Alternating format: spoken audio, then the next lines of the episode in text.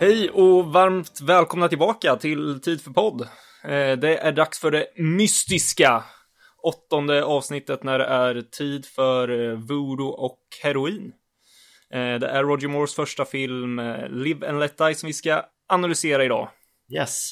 Och jag som snackar först heter som vanligt Emil och med mig har vilka då? Rickard! Otto! Emanuel. Yes. Jag vill bara säga, alltså det, det känns som att det var galet länge sedan vi gjorde det här. Ja, och det är bara en extra vecka. Man är lite poddrostig. Jag hade ju fan glömt bort upplägget till och med. Jag frågade Emil hur vi brukar börja. det var ju, ja, det kan vara att jag är dum i huvudet också, men det, Ja, jag satt och funderade förut på allting som har hänt sen senast. Det är ju bara en extra vecka sedan. Jag var ändå så här tvungen att fundera lite. Det har varit allsvenskan drar igång på riktigt. Zlatan är ute ur eh, Champions League. Folk har googlat Panama som galningar. Eh, minister har avgått. Så med allt det här sagt så kan det ju vara lägligt att slänga ut frågan hur är läget mer efter dessa turbulenta veckor? det är bra, tycker jag. Det är alltså, det är ju klassiska vårtecken. Zlatan ute ur Champions League, det är ju vår som satan. Brukar åka ut sådär i kvarten eller semifinalen. Annars så är det väl, eh, ja, ministrar brukar väl avgå lite titt som tätt. Ja. Eh, Panama däremot brukar man inte googla jätteofta annars. nej. Ja, ja, men det är väl eh, bra att ha med. Jag har liksom... Det var ett väldigt långt Ja, svar känner jag. men, eh, jag har väl eh, lite försökt zooma ut från Bondvärlden så mycket jag har kunnat för att samla krafter. Så jag har levt lite i eh, superhjältevärlden i några veckor för att vila upp mig. Eh, men... Eh, Mm. Ja, men det är väl bra. Man har läst lite Limlet Eye för att peppa igång. Och... Panama har inte jag eh, googlat i alla fall. Jag har googlat andra grejer. Men det, det kommer i BDSM-podden. Ja, det kan vi inte gå in på här, det kommer i tid för porr. Åh, ja, herregud. ja du, Emanuel då, hur har det gått? Jag är lite halvmediokert. Eh, Det rullar väl på som vanligt. Inget särskilt spännande har väl hänt.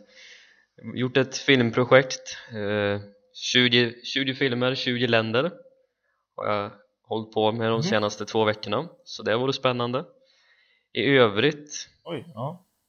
har jag väl typ ja, Påsk, det var det, det var, det var innan förra avsnittet ja. Jag har inte gjort så mycket faktiskt Det har varit ett normalt vardagstempo Så ja, nu börjar närma sig vår, eh, ska vi prata om det? Stundande Londonresa Just det.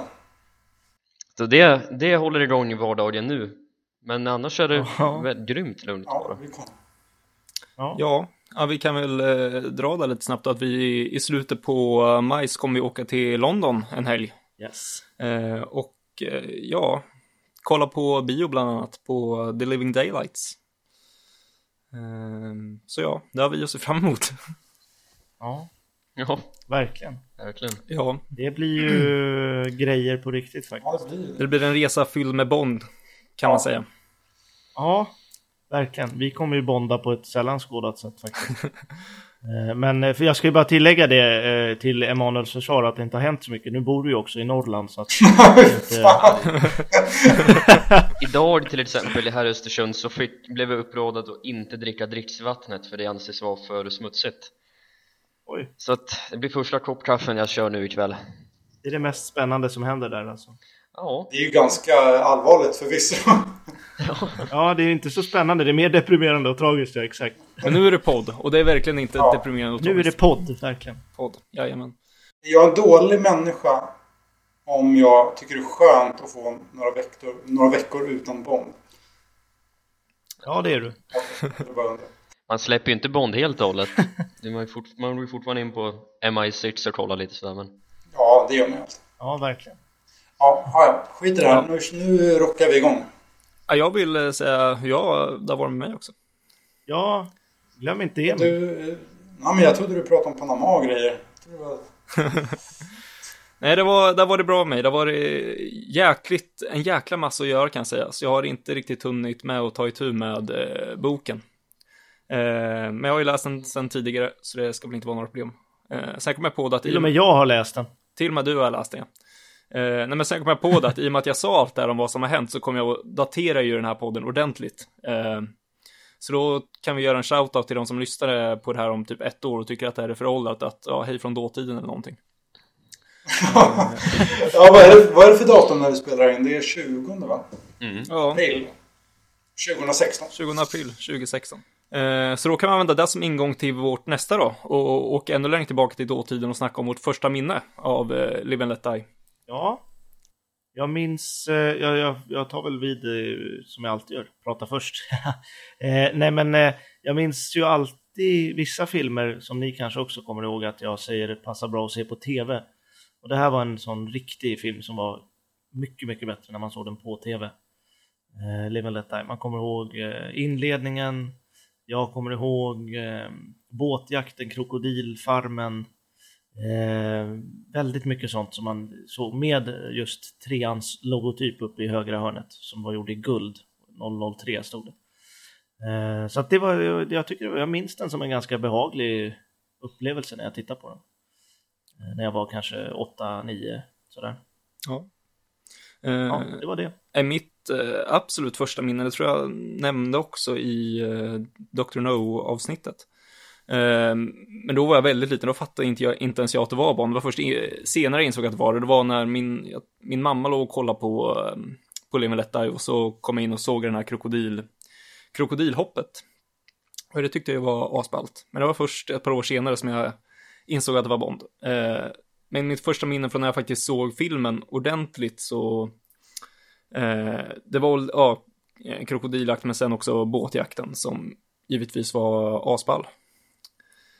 Eh, så det var väl de, de två grejerna som gjorde så störst intryck då på mig.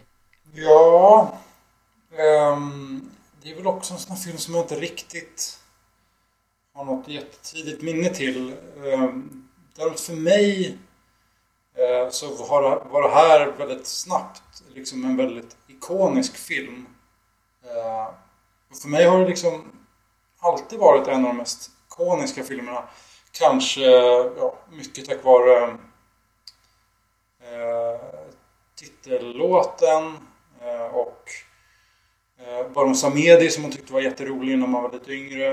Eh, och sådär.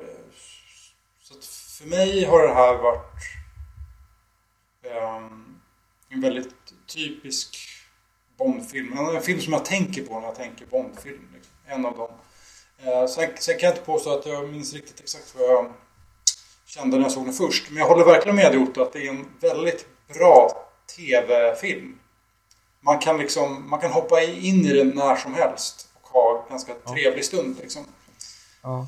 ja, men den känns ju väldigt mycket som, ja, om jag bara får flika in, det känns ju som att det är mer, den, den har lite så här tv, jag vet inte, den är, den är inte en av de mest storslagna Bond-filmerna. Den har lite så här tv, tv-serie-aura, en väldigt påkostad tv-serie, men den har en lite så helgonet-feeling över det som jag gillar. Mm. Eh, Det är nog därför jag gillar att se den på tv också tror Man jag. kan nästan sitta och titta på den på en 17-tums tv på någon camping liksom. Absolut. VHS gör den sig bäst på nästan. Ja, Ja, det är lite så. Jo, Det tycker jag. Ja. Jag har inget speciellt första minne av att jag faktiskt såg filmen Jag minns mycket väl när jag köpte filmen För att precis som Otto har nämnt tidigare och jag också har nämnt tidigare så är eh, Special Edition DVDn som kom där i slutet på 90-talet extremt ikonisk. Och jag minns mycket väl när jag gick på Åhléns och köpte den för jag valde ut just Live and Die för att omslaget var väldigt häftigt och det var en av de första Moore-filmerna jag faktiskt såg. Men jag har absolut inget minne av att se filmen för första gången.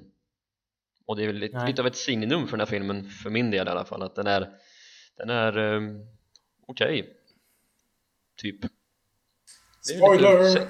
Ja, det sätter, li- det sätter lite ton kanske för mina åsikter men just minnet är väldigt väldigt diffust Omslaget är ju väldigt ikoniskt alltså, det är det ju. Precis, omslaget minnas- är riktigt bra Jag kan inte ens minnas Ja. hur det såg ut faktiskt om jag ska vara helt. Vi slänger upp det i. Facebookgruppen senare Ja, det gör det kan vi göra. Eh, ska vi gå eh, över till att snacka hur den här helt okej filmen kom till då? Ja, det tycker jag. Ja. Det tycker jag, då kör vi.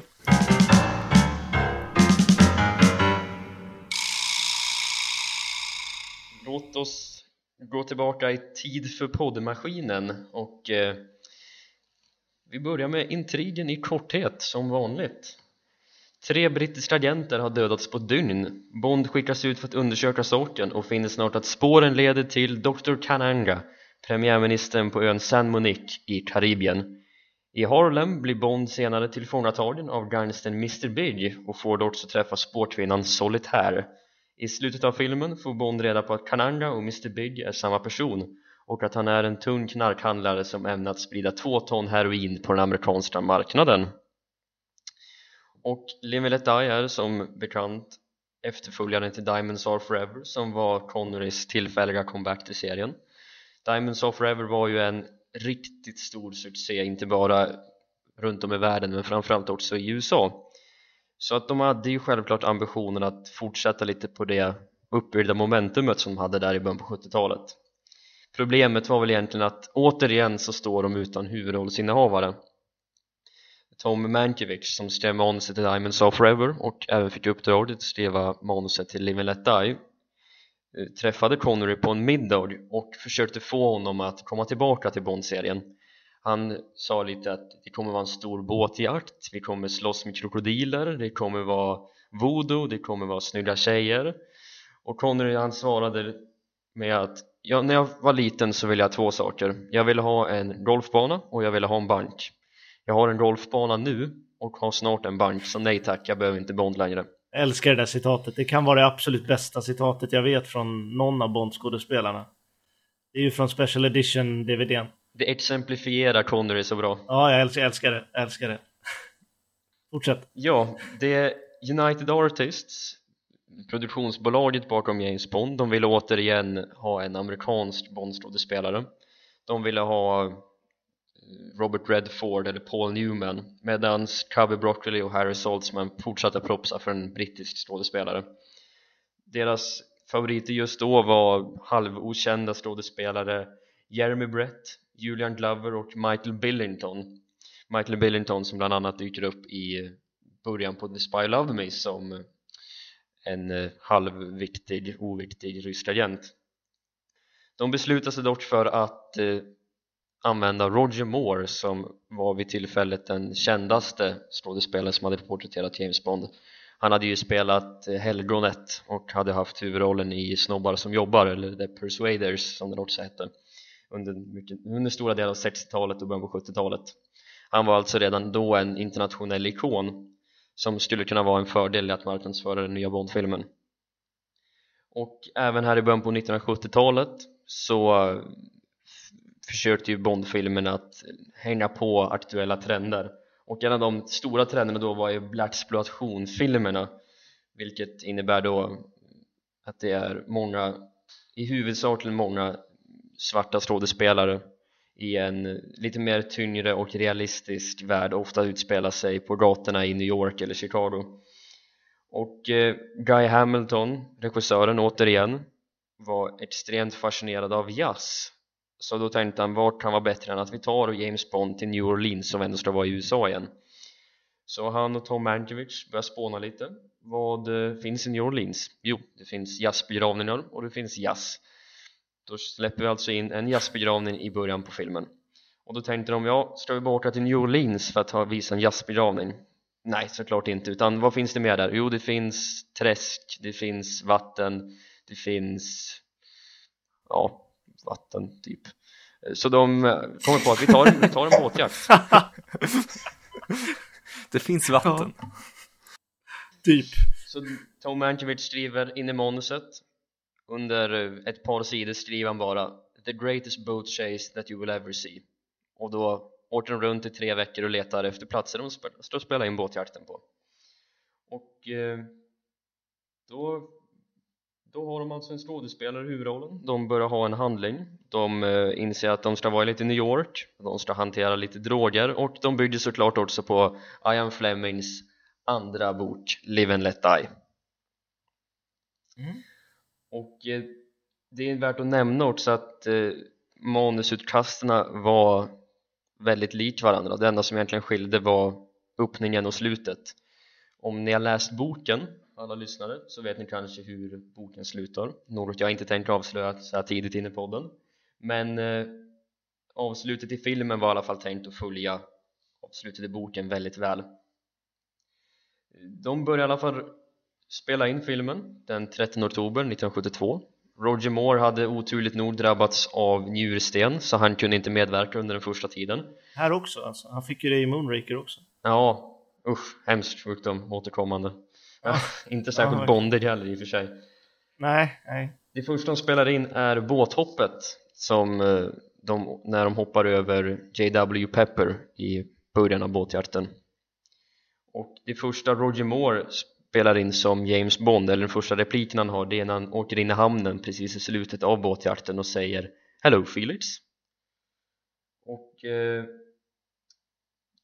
sen fortsätter de i New Orleans de, det är värt att nämna också att de försökte hålla sig till en lite yngre marknad.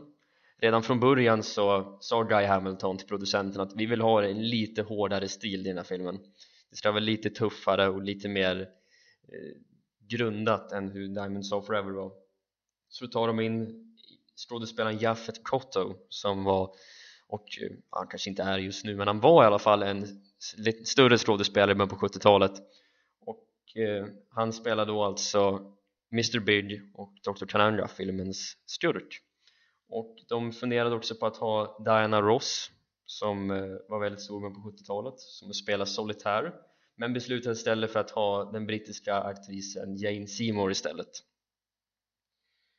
och eh, de, eh, det är även värt att nämna att de plockar in J.W. Pepper den halvt ja, ska man kanske inte ska säga efterbliven, det kanske är lite kränkande mot någon som lyssnar men den eh, Mot egensinniga honom också. Ja, den, egen, framförallt mot ja, den honom. egensinniga sheriffen J.W. Pepper plockas in som ett komplement för att visa att alla onda och dumma i den här filmen är inte svart utan den dummaste av dem alla är faktiskt vit de försökte väga ut Den väldigt, alltså. eh, den väldigt amerikanske sheriffen. väldigt amerikanskt då, precis, vi behöver inte säga mer än Han så gör väldigt mycket amerikanska saker faktiskt. Ja, Guy Hamilton sa det att när han var på inspelningsplatsen så poliserna som skärmade av själva inspelningsplatsen det var sheriffer som såg ut som J.W. Pepper och pratade som J.W. Pepper och hade samma åsikt som J.W. Pepper men de såg sig inte själv som honom utan de tyckte det var en helt fantastisk karaktär Ja. och de, eh, spelade, de var ovanligt mycket på inspelningsplatser i den här filmen jämfört med tidigare. De var i New Orleans under de första två månaderna. Sen var de två månader på Jamaica och spelade in innan de återvände till i Pinewood i slutet på december 1972 de avslutar i alla fall inspelningen i New York och till sist när de spelar in med Roger Moore är sekvensen då han går ut från John F Kennedy Airport. Filmen har premiär i slutet på juni 1973 och inför det så har de lärt sig kanske av sina misstag inför Honor Majesty Secret Service att försöka ersätta Sean Connery på det viset att de vill visa att det finns en ny skådespelare som faktiskt kan vara James Bond. Så de promotar Roger Moore väldigt hårt runt om i världen och framförallt i USA. De försöker verkligen pusha honom inte som Sean Connery utan som James Bond att här har vi en annan skådespelare men med sina egna kvaliteter. Och det lyckades onekligen. Live and Let Die drog in enormt mycket pengar i jämförelse med Diamonds of Forever som också den var en enormt stor succé. Live and Let Die tog in hela 161 miljoner dollar i jämförelse med Diamonds of Forever som tog in 116 miljoner dollar. Så det var en marginell ökning. Och inspelningen av nästa Bondfilm The Man with the Golden Gun drog sedermera igång i princip omedelbart även den med Roger Moore och produktionsteamet tillbaka Ja, ska vi, ska vi snacka lite Roger Moore kanske nu när vi ändå nämnde att han är ny och allting? ja, det låter som en bra idé Jag hade en idé nämligen som jag ville ta upp, eller en idé men en, en alltså det känns som att vad man än tycker om Roger Moore så kändes det som att man hade inte kunnat promota så hårt en helt okänd skådespelare. Det behövdes någon som Roger Moore tror jag. För han är väldigt tacksam att promota, för han gillar ju själv att promota sig själv. Tror jag, så att det känns ju, ja, han var, han var nog ett väldigt bra val, skulle jag vilja hävda i alla fall. Även om man inte kanske tycker om honom. Ja, det är ett, det är ett väldigt logiskt val. Eh, Mm. Sen. Så här med facit i hand också i och för sig, men ja, för vad, vad han betydde för Bond-serien och så vidare och eh, vilka succéer det blev. Sen har jag lite svårt för honom som Bond, men eh, valet i sig är ju helt logiskt. Om eh, att ta någon som verkligen var motsatsen till det som eh, Lazenby var i, i status och så vidare. Ja, exakt. Eh, och, en, eh, och en riktig, riktig britt. Ja, ärkebritten, Roger Moore. Ja, Ja, och som dessutom var ett namn, det var ju det viktigaste kanske just vid det här tillfället. Ja, exakt. Mm. Det var det jag tänkte. Han är ju Ja. bra- han är tacksam att promota. ja Mm. exakt. Folk vet ju vem det är lite grann. Ja, för nu körde de ju återigen det här liksom. Roger Moore is James Bond. Ja, exakt. Det står ju på vissa affischer och det gjorde de ju inte med Lazenby. Nej. Inte ens i, inte ens i närheten liksom.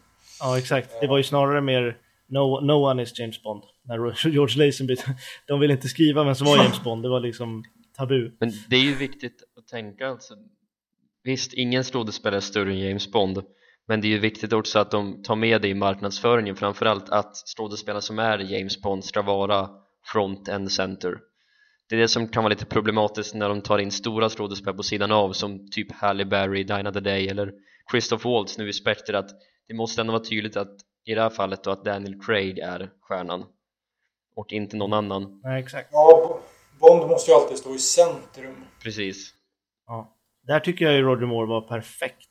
Där tycker jag nästan han har varit bäst. Han älskar ju att stå i centrum. Och det är ju liksom... Craig är ju värdelös på det om jag får säga det. Rent, alltså rent PR-mässigt så är Roger Moore den bästa Bond. Han gjorde, jag, jag tror, jag läste typ häromdagen att han gjorde för Moonraker 300 intervjuer. Vilket var helt sinnessjukt. Bara för Moonraker också. eh, vilket vi kommer säkert komma till sen. Men Ja, spännande. Och sen är det ju Roger Moore var ju alltid den största stjärnan i sina filmer också förutom möjligtvis Christopher Walken i A View to a Kill och där var ju valet också rätt logiskt gjort med tanke på Roger Moores ålder men i hans tidigare filmer så var ju alltid Roger Moore den största skådespelaren och de andra tog liksom bort sättet Ja, exakt. Möjligtvis Christopher Lee då i... Ja, Nästa precis, film. precis. Men eh, jag, Ja, nej, Connery, Connery gjorde ju en intervju till Thunderbolt bara för att jämföra. Det känns också som att Roger Moore är den enda på något sätt som verkligen fullt ut, ända från start, ända fram till nu egentligen, fortfarande älskar att han var James Bond. Definitivt. Definitivt. Eh, ja verkligen Det är ju och det, det, det är ju kul för oss fans att få liksom att få ha kvar Roger Moore. Han är fortfarande med i liksom media Bond-världen på något sätt. På ett helt annat sätt än de andra som har Hållit sig borta. Mm. Ja, ja, ja. Ja, Ja. La- Lazenby är väl med en hel del, men det är väl också lite så här, titta på mig. jag, jag, jag, var också Bond, glöm inte bort, glöm inte bort mig. exakt. Precis, det är snarare det är han som vill synas. Roger Ja. Moore, han blir ju inbjuden till vad som Tillfrågad helst. liksom. Ja, Roger Moore Ja. kan ju liksom klara sig utan att visa upp att han är Bond hela tiden. Ja, Ja, Det, Lazenby skulle ju bara sitta på någon farm i, US, i USA och ta det lugnt annars liksom. Australien inte kanske. att välja mellan. Australien möjligtvis. Jag tror han bor i USA nu men eh, det är sak samma. Någonstans långt åt helvete i alla fall. Ja, Kommer han sitta och inte, inte göra någonting. ja, Ja, visst är det så att Roger Moore är ju alltid den starkaste komponenten i sina Bondfilmer. Det är ju sällan i någon film överhuvudtaget där Roger Moore inte verkar vara fullt ut entusiastisk i den rollen han tar åt sig och i, i Bondfilmerna framförallt så verkar det som att han verkligen försöker att ha så roligt som möjligt i varenda scen som går och även i de sämre filmerna han är med i Ja, så absolut. verkligen visar han det absolut mesta han kan Ja, exakt. Sen om man inte gillar Roger Moore så, så är det en sak, men han, han ger ju alltid liksom 100 procent. ja, det håller jag med om. Han ger ju bara 100 procent. Han ger ju bara 100 procent liksom. Eh, om man säger liksom i scenen med sitt. Med sitt sinne, med, sitt hum, med sin humor. Alltså, Ja, ja. Han är ju den Bond- Bondskådespelare som har tränat minst inför Ja, Han har definitivt. gjort någonting. Ja. Han har ju mest Han har stuntman han liksom av alla. Han är ju inte atletisk. Nej, nej, nej. nej, nej, nej, nej. Nu är han fortfarande, i den här filmen är han fortfarande smal. Liksom. Ja, jo. Men det blir, han blir också lite plufsig. Ja, med Roger Moore-mått mätt så är han smal. Vilket är typ tjock egentligen, men det är ju, ja. Det, Nej men han är inte... Vad fan! Han tränade ju dock rätt hårt inför Die. Han, jag läste det i hans biografi att han gjorde ju rätt rigorösa träningspass. Han simmade varje morgon, sprang varje morgon och gjorde, gjorde började träna och sådär. Men han skadade ju sig under inspelningen av båtjakten så det var väl där någonstans han insåg att han är ingen stuntman Nej. överhuvudtaget. han har ju skadat sig rätt mycket jämfört med de som faktiskt gör sina egna stunts. Men det är ju det. Han är ju inte... Han är ju mer en gentleman. Han är ju ingen levt. Nej, nej, nej. Det märks ju också här med eh, det här med när du sa det med att springa, att i den här filmen, det är nästan den enda filmen där han kan springa.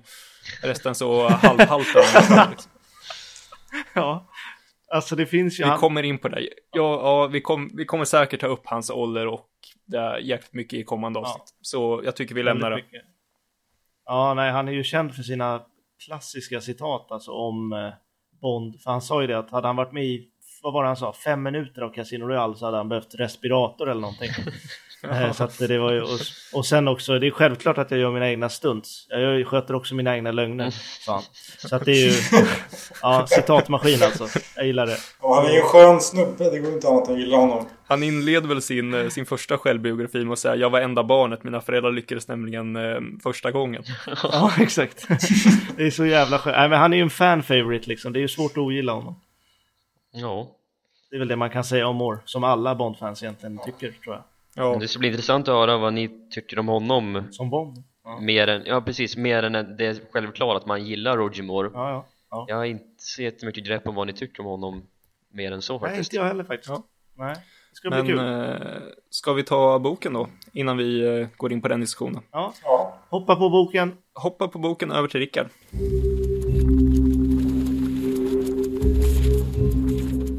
Live and Let Die, alltså, som är Ian Flemings andra roman.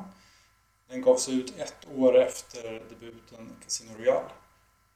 Och enligt Paul Simons, som skrev The Rough Guide to James Bond, så ville eh, Fleming skriva en mer seriös berättelse den här gången.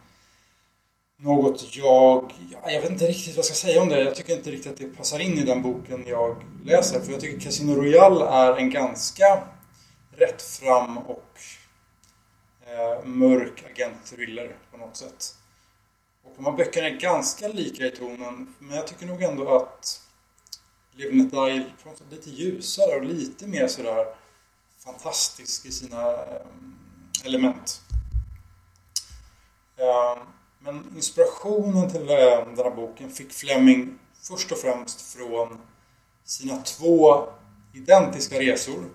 Eh, med, först med Ivar Bryce, hans vän, och senare med sin fru Anne Fleming. Och då flög de till New York. De tog tåget Silver Meteor till St. Petersburg i Florida. Varifrån de flög till Jamaica. Och det blev den exakta resan som James Bond gör i boken. Och inspiration till själva storyn, alltså själva grundstoryn, tog Fleming från sin ungdomsfascination av pirater och de böcker han, han läste som ung. Och även filmer som Captain Blood med Errol Flynn, bland annat. Som kom 1935 när han var liten. Och handlingen i boken är ju kopplat till just det här med pirater, vilket ja, inte riktigt för mig passar i boken. Men boken handlar i alla fall om Mr Big, en haitisk brottsling och värvad agent av Bonds eh, fiende nummer ett, Smersh. Och man tror att eh, Mr Pigg har funnit piraten Henry Morgans nedgrävda skatt. Och att han säljer av mynten för dyra pengar. Och de här pengarna går, den, går sedan in i eh, sovjetisk spionverksamhet i USA. Eh, och då skickas Bond till New York för att undersöka Mr Big och hans organisation. Som visar sig vara ett enormt nätverk svarta över den amerikanska kontinenten. Och Bond får där hjälp av sin vän och CIA-agent Felix Leiter som då senare nere i Florida blir av med både en arm och ett ben i en eh, hajattack. Han blir matad till en haj kan man väl säga. Och det ser vi ju i License to Kill faktiskt. Den här boken är ju lite eh, splittrad. Men ehm, handlingen som for, Bond fortsätter då med hämnd i sinnet ner till Jamaica där man vet att Mr Big håller till på sin ö, den här Surprise Island. Och han får hjälp av Quarrel och Strangways som kommer att dyka upp några böcker senare i Dr. No. Och han tar sig då till Mr Bigs ö. Och där återförenas han med Solitaire som han har träffat tidigare i boken men som blivit tillfångatagen. Och de båda blir kölhalade inom citattecken och släpas efter Mr Biggs eh, båt. Men då har Bond tidigare i den här dyk, eh, dykinfiltrationen placerat ut minor på båten. Eh, och på så sätt så avstyr han alltihopa. Ehm, och som de lyssnare som har stenkoll på filmerna, ehm, det är väl några där ute, så vet ni säkert att den här boken är ju väldigt utspridd över serien. Det är väl kanske den boken som har eh, spritts ut mest. Eh, karaktärerna i boken och dess liksom, grundläggande drag finns ju i filmen Live and Let Die som vi pratar om nu. Men det är ju lite som har smugit sig in i License to Kill och det är lite eh, som har smugits in i For Your Eyes Only. Men det kan vi komma till då. Ja, det är väl lite kort eh, bokens bakgrund där. Har ni hunnit läsa den eller har ni den i huvudet? Ja, jag läste faktiskt klart den igår. Um, det intressanta, det är som precis som du säger Rickard, det är att han, Fleming försökte skriva en väldigt dramatisk och seriös historia oftast också rätt våldsam i jämförelse med många andra Bondböcker. Sen är det framförallt på sättet han dödar en av, en av skurkarna i New, i New York som är oerhört brutalt faktiskt.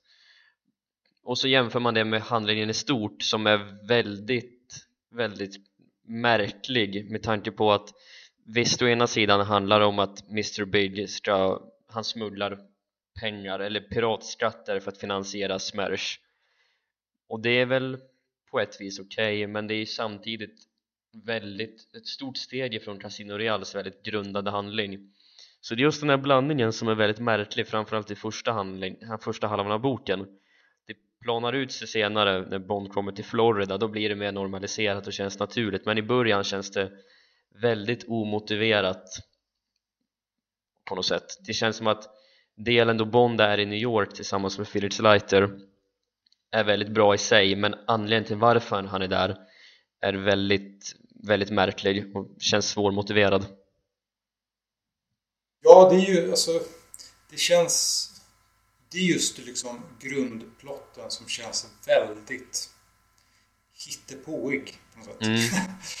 det, är, det, är, det är det som är så konstigt när den är i övrigt är en rätt seriös berättelse. Ja, jag har inte bullshittat det här och jag vet inte hur mycket sanning det ligger liksom i de här piratskatterna. Eller om det är något Fleming bara helt har kokat ihop eh, själv. Men... Alltså själva fakta runt piraterna är, stämmer ju. Men idén att en gangster i New York skulle använda pengarna från de skatterna till att finansiera sitt spionnätverk från Ryssland känns väldigt ologiskt och det är som precis som du också säger att det känns som att Flemings fascination för ämnet har tagit överhanden lite och att han inte hade någon bättre handling att komma på för beskrivningen av New York och karaktärerna är ju väldigt, väldigt trogna och ett väldigt bra porträtt av tiden de befinner sig i. Jag tänkte bara flika in på det, det här med Flemings fascination. Det är inte bara den här boken, det är ju flera böcker, bland annat den som vi hade innan, Diamonds of Forever, där är ju också det att Fleming intresserar sig för någonting och sen måste det in i en bok. Sen kan man ju tycka att den handlingen är bättre i Diamonds of Forever, men det är ju samma grej. Ja, så är det Ja. Men eh, är det så att du har läst den här, Otto? Ja, det har jag. Det har jag. För en gångs skull? Ja, det var en gång jag hade läst den bara, så att det var ett tag sedan. Det var väl kanske fem år sedan. Har du några minnen av den? Eller? Ja, jag minns en scen som jag tror var med i den här. Jo, men det måste det vara. Han sitter i någon bungalow eller i någon, någon han hänger med Felix. Han tar någon dusch och grejer och sen så sitter han och dricker någon whisky eller någon drink av något slag. Den scenen fick mig att, vad heter det, jag vet inte, tänka på Dr. No, scenen på hotellrummet där. Av någon anledning. Jag tyckte det var lite liknande bilder jag fick i huvudet. Um, det är någonstans i USA Mm, det- eller Jamaica. Det är Florida tror jag. Florida. Ja, den scenen, eller den scenen, den ja, delen av boken tyckte jag var väldigt bra beskriven. Man fick verkligen upp bilder i huvudet om hur, hur det såg ut, hur det kändes. Ja, men jag tycker mycket av den här boken är faktiskt välskriven. Ja. Så minns jag något förhör som Mr Big hade, eller Bond träffade på Mr Big med Solitaire i New York, Mm, precis. eh, i något rum. Man får sitta på någon stol och grejer. Ja, Ja, men det är just den scenen. Det är, det är intressant faktiskt att de tidiga böckerna eh, är mycket brutalare än de senare böckerna. Ja. För att eh, det, det är liksom Bond går igenom väldigt mycket. I Casino Royale så blir han ju pungsmiskad. Pungsmiskad var ett jävligt milt ord faktiskt för att beskriva. Han blir pungkrossad, bokstavligt talat, ja, det blir om man ska vara helt ärlig. Eh, I den här boken så får han först ett finger. Eh, Nej men alltså, du kan inte pausa efter ett finger. Men, han får ju ett finger brutet och han, de böjer det bakåt i sitt liv. Sen blir de ju typ kölhalade. Eh, och sen eh, i Diamonds of Forever så blir han ju så blir han ju söndersparkad av eh, Winter Kill. Det är väldigt liksom Bond går igenom väldigt mycket i de, i de, i de tidiga böckerna. Och så Dr. No med den här klättringen i, i testet genom ja, schaktet eller vad man kallar det för. Ja. Ehm, vilket är intressant. Jag vet inte varför Fleming, eh, om han tröttnade på att vara brutal. Men det är ju tydligt att Bond genomlider värre saker i början av bokserien. ja, och tvärtom i filmserien kanske.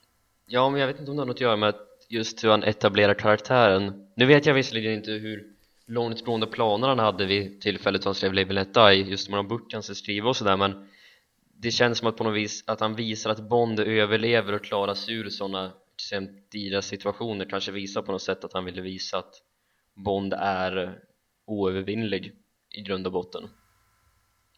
Och sen att det blir mer fantastiskt då har han publiken och då vet folk vem Bond är och sådär då behövs det inte visas på samma sätt att han måste gå igenom sådana fysiska smärtor kanske Ja, absolut. Det kan ju verkligen ligga något i det. Ja. Mm. För Det är ju tydligt att, att bokserien har- genomgått en förändring. Det har, gjorde den ju på olika sätt. Eh, Det är väl så att han mer intresserar sig för Bond inombords på slutet än mm. utombords. Ja, det- just det det är Ja. sant Eh, har ni några omdömen på den här boken? Ja, jag vet, jag vet har du hann inte läsa klart den Emil? Eh, nej, jag har inte läst klart den. Jag har läst den innan dock. Eh, så jag, jag har läsa lite i den. Men eh, jag har i alla fall en bild av vad jag, vad jag själv tycker om den. Eh, ja, eh, nej men jag, jag har alltid gillat den här boken. Eh, jag har egentligen tagit mycket av det. Eh, beskrivit boken väldigt väl och jag håller ju, instämmer ju där ni säger. Eh, jag tycker det är en väldigt eh, underhållande bok. Eh, jag gillar karaktärerna, miljöerna. Väldigt tempofylld får jag väl ändå säga att jag tycker att den är. Precis som de flesta av Flemings böcker ändå är. Så jag vet egentligen inte vad mer jag ska säga om den som inte redan har blivit sagt. En.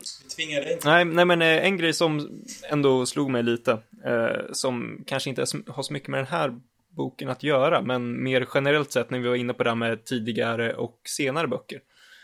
Eh, en grej som jag tänkte på det är att han har förändrat lite sitt sätt att även inleda böckerna på i tidiga och sena bö- böcker. Eh, oftare i de tidigare böckerna tycker jag att han eh, vad ska man säga, han försöker eh, säga någonting annat och sen bygga vidare på det in i själva storyn, eller vad, hur man nu ska säga. Han försöker säga någonting om Bond, eh, världen i, eh, i generellt sett, eller någonting sånt, och sen komma in i en scen, medan de senare böckerna är mera rakt på. Eh, och jag tänkte bara säga att jag gillar det, jag gillar tidiga fläng, fläng på det här sättet. Eh, jag har inte tänkt på det tidigare, men det slog mig nu. Eh, jag kom tillbaka till den här och vi har läst mycket sen, senare böcker nu så slog det mig och då tänkte jag på det. Så det var bara att flika in lite på det här sättet. Eh, betyg skulle väl jag sätta en, ja, vad ska vi säga, fyra kanske. Jag vet inte om du Otto minns tillräckligt för att ge ett betyg? Nej, det gör jag nog inte. Men jag tyck, minns att jag, jag tyckte verkligen att den var... Jag, jag, läste, jag köpte tre stycken samtidigt, jag vet inte varför. Nu har jag alla. Men eh, tre stycken. Jag köpte Live and Let Die, For Your Eyes Only och The Man with Golden Gun. Och läste alla. Jag tror jag tyckte den här var bäst faktiskt, av de tre. Eh, så det, ja, jag vet inte. Jag har ju för dåligt påläst på boken för att ge den något betyg. Men bra tyckte jag den var i alla fall. Du gillade den? Ja, ja, definitivt. Emanuel? Mm. Jag tycker boken har väldigt många bra många bra beskrivningar som jag nämnde, många bra karaktärer. Jag tycker Solitär är väldigt välskriven som kvinna så här pass tidigt in i bordserien. Jag tycker att eh, Mr. Bids fysiska fysiska attribut är väl lite väl överdrivna kanske men det passar ändå att han är den här lite mer övermänskliga typ av skurken som vi också får lära känna senare i bordserien. Det är typiskt Fleming att beskriva skurkarna på ett så pass o så pass utomordentligt vis men just handlingen drar ner väldigt mycket för mig för att jag känner oftast att det finns ingen riktig motivation för Bond att göra sina saker och det känns också väldigt typiskt att Philip Slater är med hur mycket jag än gillar honom. Så är det som okej, okay, ja, Philip Slater är såklart den agenten vi sätter på här och sådär. Men just för scenerna som vi får uppleva de här små detaljerna som hur Bonds hotellrum i New York ser ut och hur han dricker och vilka restauranger de besöker sånt är jag väldigt svag för i allmänt. Och det är riktigt, riktigt bra här i Live Let Die så i, i grund och botten så gillar jag delarna och jag gillar karaktärisationerna och jag gillar uppbyggnaden men inte själva handlingen så därför blir det inte en av de bättre burterna, för den har ingen stark grund att stå på så att jag ger den en 3 av 5 Då eh, får jag summera ihop jag har, jag har tidigare inte eh, varit jätteförtjust i den här boken. Men av någon anledning så steg den väldigt mycket efter den här läsningen. Nu var det dessutom faktiskt första gången jag läste den på engelska den här gången. Jag vet inte om det kan ha något med saken att göra. Eh, det är väl just... Bokens problem är ju att plotten är eh, lite väl märklig. Eh, vilket inte passar in sen när berättelsen är seriös. Men som Emil sa, så den är väldigt... Den, den, den, rör sig väldigt smidigt, den är väldigt logisk. Eh, själva berättelsen. Karaktärerna är väldigt bra. Eh, och boken är... Den är faktiskt både spännande och liksom lättläst på ett positivt sätt. Den lite, ibland kan Fleming vara lättläst för att han inte har inte är kanske den här superlitterära stjärnan. Liksom. Men här tycker jag ändå han får ihop det rätt bra. Um, och sen är det ju många som, som har problem med den här boken för att det är ju lite den är ju lite rasistisk på vissa sätt. Ehm. Det som jag tycker är på ett sätt positivt med den här boken i det avseendet är att det finns inga liksom eh, bokstavliga rasistiska kommentarer som det gör i många andra böcker. Här är mer... Eller? Nej, jag tänkte på när du sa det med rasism och så, så finns det ett kapitel som heter Nigger Heaven ni får dra vilka slutsatser Absolut. Ni Absolut, men det var det jag tänkte komma till. Att det var att det här, här är det väldigt mycket hur USA var på 50-talet och hur, man, hur man i allmänhet eh, liksom såg på det, på, på det svarta samhället i USA. Om man kan kalla det för det. Eh, men det är inte... Vilket, det finns, det finns mycket mm, sånt här mellan raderna skit i boken. Men det finns i alla fall, i alla fall inte de här liksom... Flemings säger ju inte att de är korkade. Eller att de är liksom idioter. Som han faktiskt gör i andra böcker. I Goldfinger säger, säger han att koreaner är lägre stående än apor. Och eh, så har vi kinesnegrerna i Dr. No som är liksom, jag vet inte vad, vad han tycker om. Och turkarna från Russia with Love ska vi inte prata om. Och i stort sett i, och i stort sett i varje bok så är det att amerikanerna är okultiverade och inte, inte riktigt vet hur man ska röra sig och föra sig. ja. Eh, så att här är mer rasismen som finns i den här boken är mer sån här liksom övergripande kanske samhällsgrejer sådär. Mer än rent rasistiska kommentarer. Sen är vi hela den här grejen med att ja, Mr Big att han skulle han skrämmer de svarta med sina voodoo-grejer och därför ja jag vet inte hur många som faktiskt skulle bli rädd för det där men ja. Jag tycker i alla fall att den här boken är jag tycker den är väldigt bra. Jag, jag kommer faktiskt sätta en fyra på den. Eh, Den, eh, den har inte så många svaga bitar. Den är rätt brutal, den är rätt kul. Om man nu... Kul och brutal. Det kanske inte riktigt hänger ihop. Men, eh, men jag tycker det är en bra bok. Och som avslutning då, lite vackert.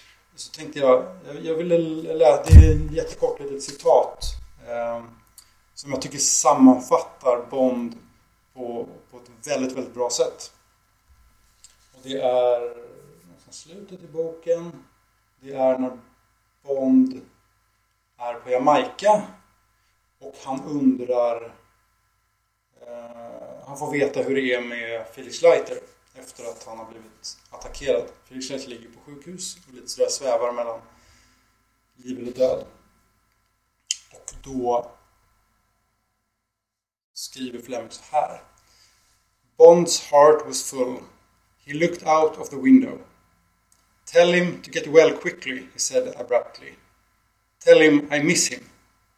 He looked back into the room. Now, what about the gear? Everything okay?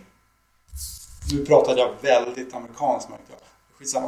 Eh, men det själva det här liksom att det är en väldigt liksom Ehm, tydlig liksom vad Bond känner. Tell him I miss him. Hur många personer skulle Bond säga det om? Och det är också väldigt tydligt att han verkligen gillar Felix Leiter på riktigt. Det är en väldigt nära vän. Och sen när han har funderat på det då vänder han sig om och bara Ja, är vi redo? Uppdraget. Nu kör vi. Han, det är väldigt tydligt att eh, även om uppdraget är i första hand så finns hans vänner med honom på något sätt. Eh, Jag tycker det sammanfattar honom väl och en bild som man kanske inte alltid får i filmerna. Nej. Nej. Smurfsöt! Ja. Åh. Ja, jag tycker vi, eller är det någon som har något mer att säga? Annars tycker jag vi avslutar med de, de orden. ja. Ja, vackert. Nej, men då går vi över till filmen då.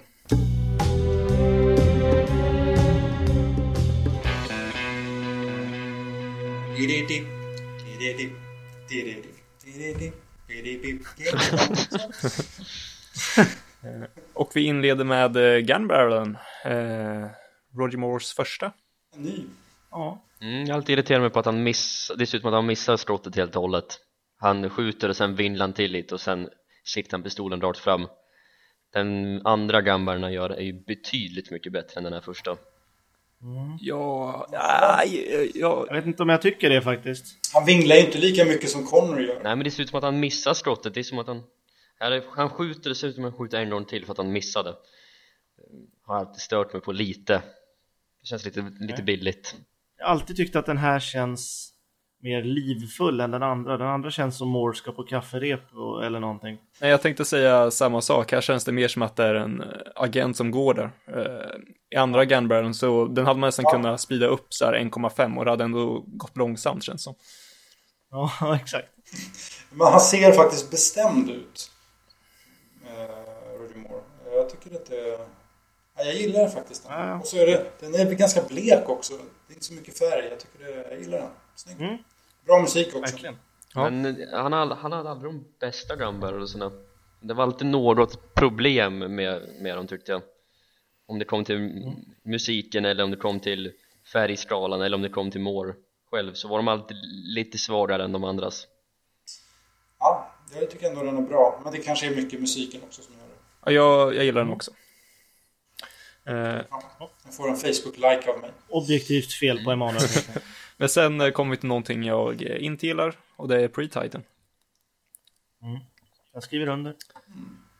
Alltså, jag, kan, jag kan inte säga att jag ogillar den, den är väl halvdan skrev jag ner i mina anteckningar. Den är okej, Had- hade jag valt bytt bort den mot något annat, självklart. Men som den är så är den väl så bra som den någonsin kunde bli antar jag. Om man nu tänker bara utifrån vad de visat Den är nog 5 av 10 Men alltså, ja.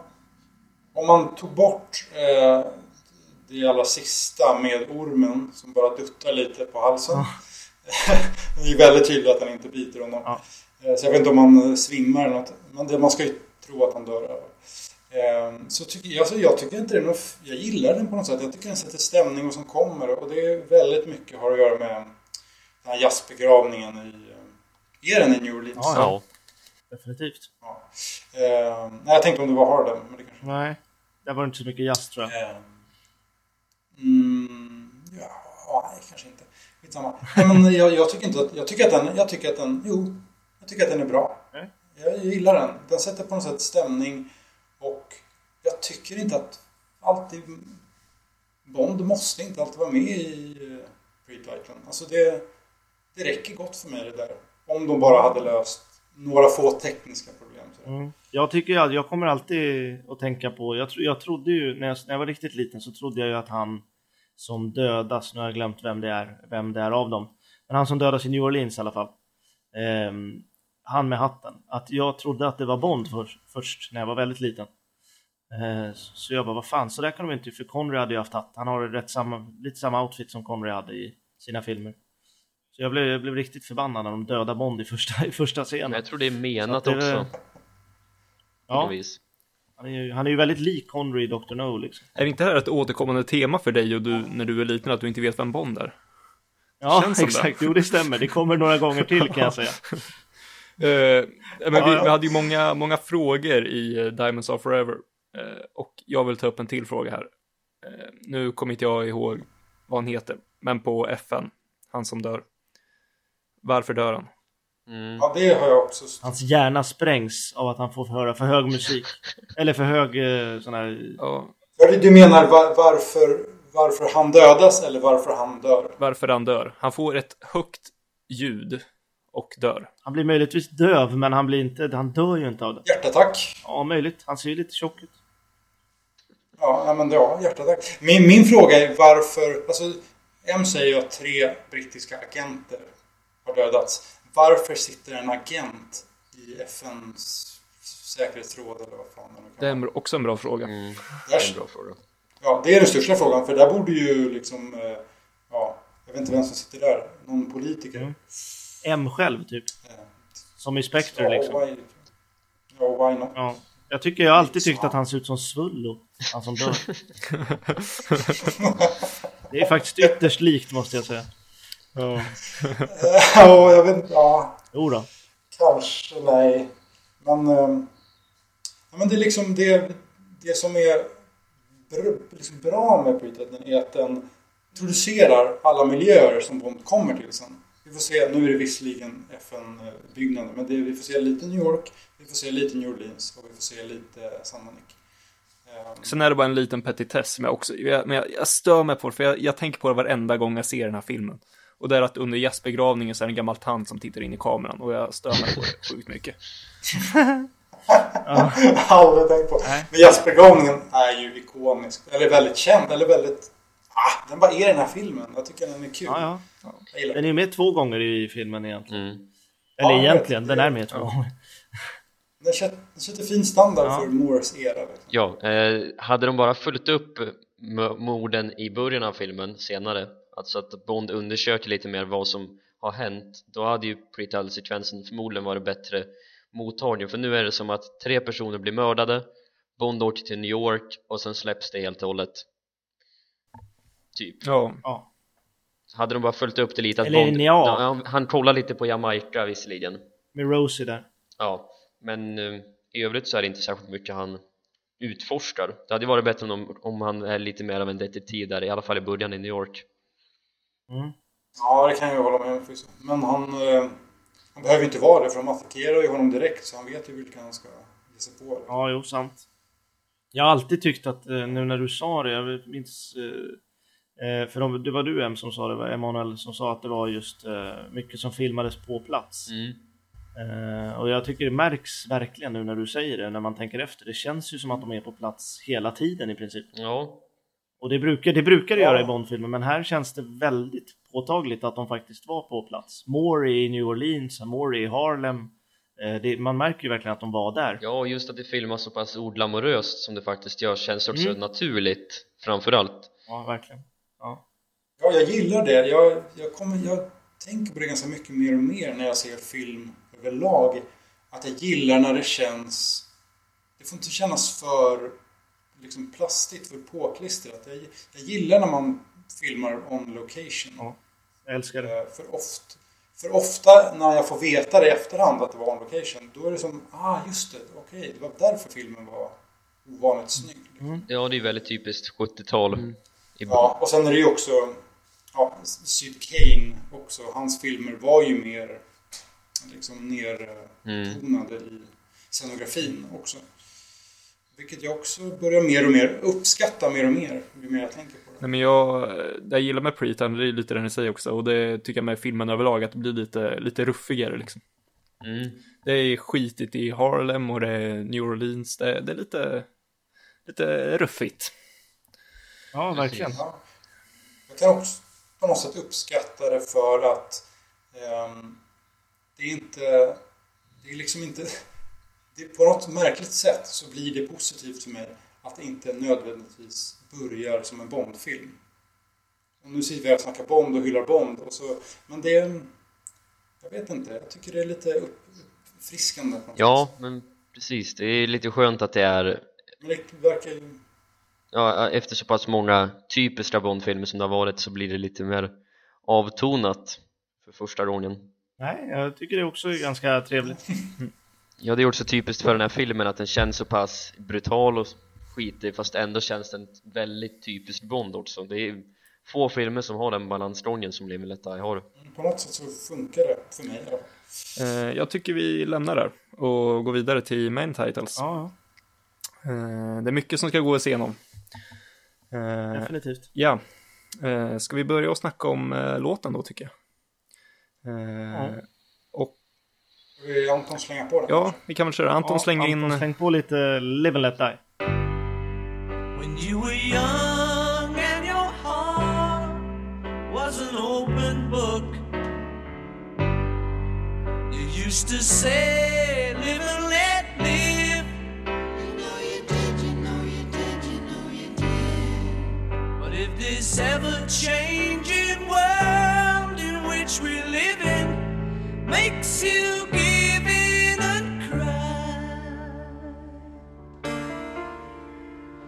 live and let die.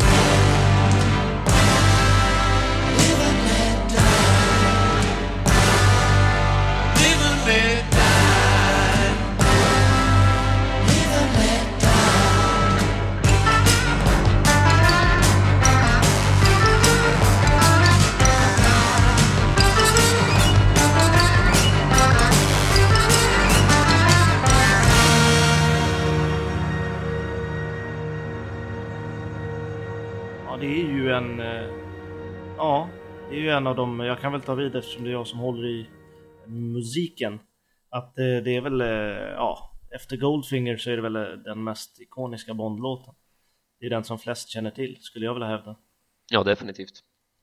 Frågor på det? Jag skulle nog säga att, jag skulle säga att den är kändare än Goldfinger. Mm. Nej, men när folk... Ja, jo, i och för sig. Men när man säger Bondmusik, då tänker nog folk på Goldfinger mer tror jag.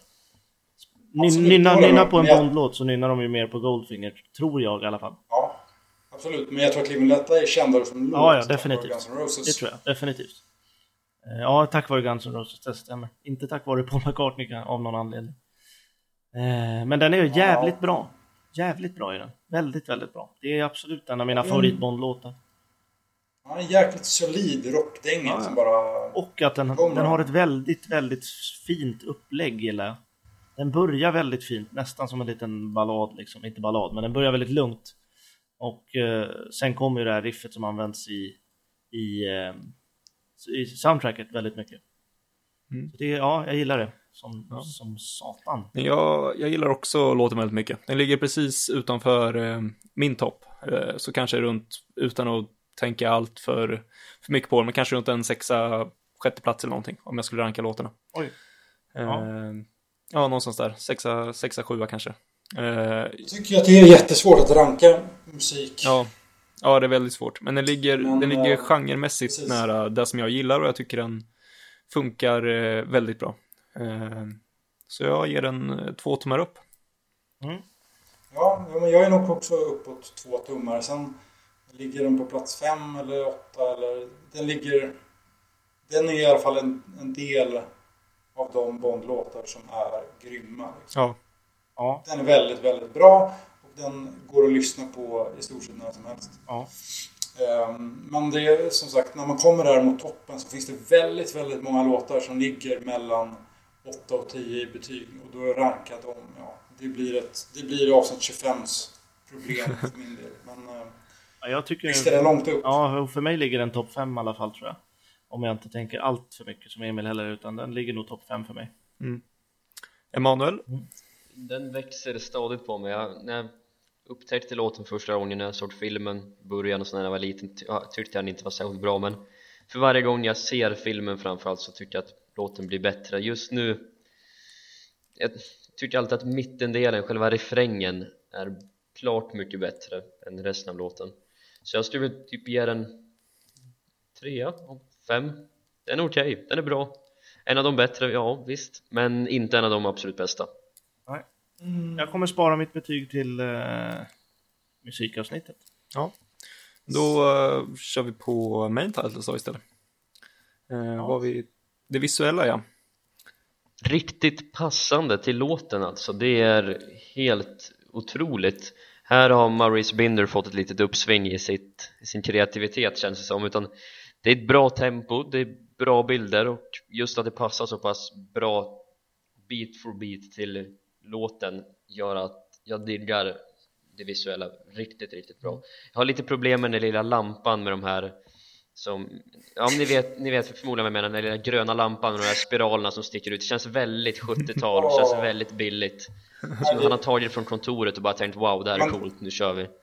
Men i övrigt riktigt bra. Ja, Det är där jag känner att nu har Binder fått hjärnsläpp. alltså, det enda som fattades var typ en lavalampa så hade vi haft det perfekt här ja alltså nej jag, jag vet inte om jag tycker om den här. Alltså, jag tycker den har inga riktiga... Den har lite diffusa färger. Jag tycker ändå någon an, de andra har haft, som Thunderbolt, den är tokblå. Honor Majesty Secret Service är också tokblå, main titles. Det är, den här är inte, det går inte riktigt att ta på. Jag tänker när den är röd, sen är den blå, sen är den lila, sen är den grön och sen är den blå igen. Och, så- nej, jag tycker det är väldigt... Dansande tjejerna brukar jag inte bry mig om, men nu stör jag mig faktiskt på dem att de har så ofantligt fula moves alltså. De, jag vet inte vad de gör, smeker de sig själva eller dansar de? det var ju förmodligen eh, voodoo-dansarna Ja, jo. Jag, jag tycker inte den är bra alltså. Jag gillar låten mycket, mycket bättre än titelsekvensen. Jag håller faktiskt med Otto. Alltså jag tycker liksom dödskalletemat är förvisso bra och funkar. Det är bara i början liksom. Men jag, alltså, ja, exakt. Och den liksom... Försvinner väldigt fort. Jag tycker inte att det passar så bra till, till låten. Alltså, för det är vissa ställen när, där låten drar igång igen eh, i refrängen liksom. Och då hänger inte Binder alls med i, i titelsekvensen.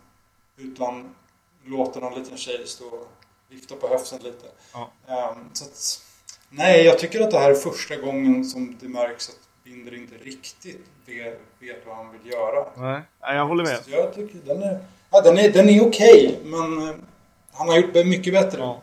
Jag tycker att det, det grejen är med, med där Emanuel, eller där jag tycker att den matchar bäst, det är mest i början. När just Live and Let Die-texten kommer upp. Ja. Och hon spärrar upp Det ögonen. är för enda gången som Ja. det verkligen Ja, funkar. där synkar det väldigt. Eh, Jag, eh, jag håller helt och hållet med Emanuel. Eh, yes. Jag tycker den här är väldigt bra. Eh, klart bättre än Diamonds Are Forever. Eh, jag tycker det är visuellt väldigt vackert. Det passar, tycker jag, bra ihop med eh, låten. Eh, det händer mycket och det är bra drag i det utan att det blir för mycket. Eh, nej, jag, jag, jag gillar den här. Jag diggar, jag diggar det väldigt mycket. Ja. Ja, men det svänger på Ja, ja. i passande till låten det är, tycker jag aldrig känns ur takt eller sådär utan så fort låten är lite mer vild och lite mer uptempo då tycker jag också det visuella hänger med riktigt bra det är sällan Morris Binder är så pass rockig om man nu kan kalla honom för det som i den här eh, titelsekvensen Ja, jag vet. Tusan alltså. Den där jävla lampan som du pratar om, är den så himla rockig? Ja men förutom den så är Känns- det väldigt fartfyllt och färgglatt och lite explosivt Jag, jag fattar inte, alltså har vi, har vi sett samma titelsekvens? Jag, men jag tycker inte, de, jag tycker inte han, han hänger inte alls med. Nej, jag, jag fattar jag håller med Rickard helt och hållet faktiskt. Det är två mot två här. Ja. Det är spännande. Två mot två. Eh, Ja. skitsamma då. Objektivt, objektivt lika. Objektivt lika. Eh, ja, sen, vi sa ju i uh, Honor Mass Secret Service-avsnittet att alla Bond-introduktioner är eh, bra. Och sen är, eh, eller var väl jag som sa det, det var inte vi som sa det. Och sen är det Roger Moore som, eh, som är... Dra inte med oss Nej, exakt. Blanda inte mig i vårt förhållande. Eh, och, sen, Nej, exakt. eh, och sen är det eh, Roger Moore som är undantaget som bekräftar regeln. Så, ja, Roger Moore introduceras som Bond med att koka kaffe åt dem. Det, det, ja. Det känns ju väldigt, det känns ju väldigt, jag tror du Rickard kanske kommer säga samma sak som jag, men det känns ju väldigt passande för just Roger Moore. Mm. ja. Han, ska, han, ska ta, han ska ta det lugnt i sin inledning för att visa att det här kommer bli en riktig, det är långt, all, hela hans serie filmer är som ett långt jävla kafferep.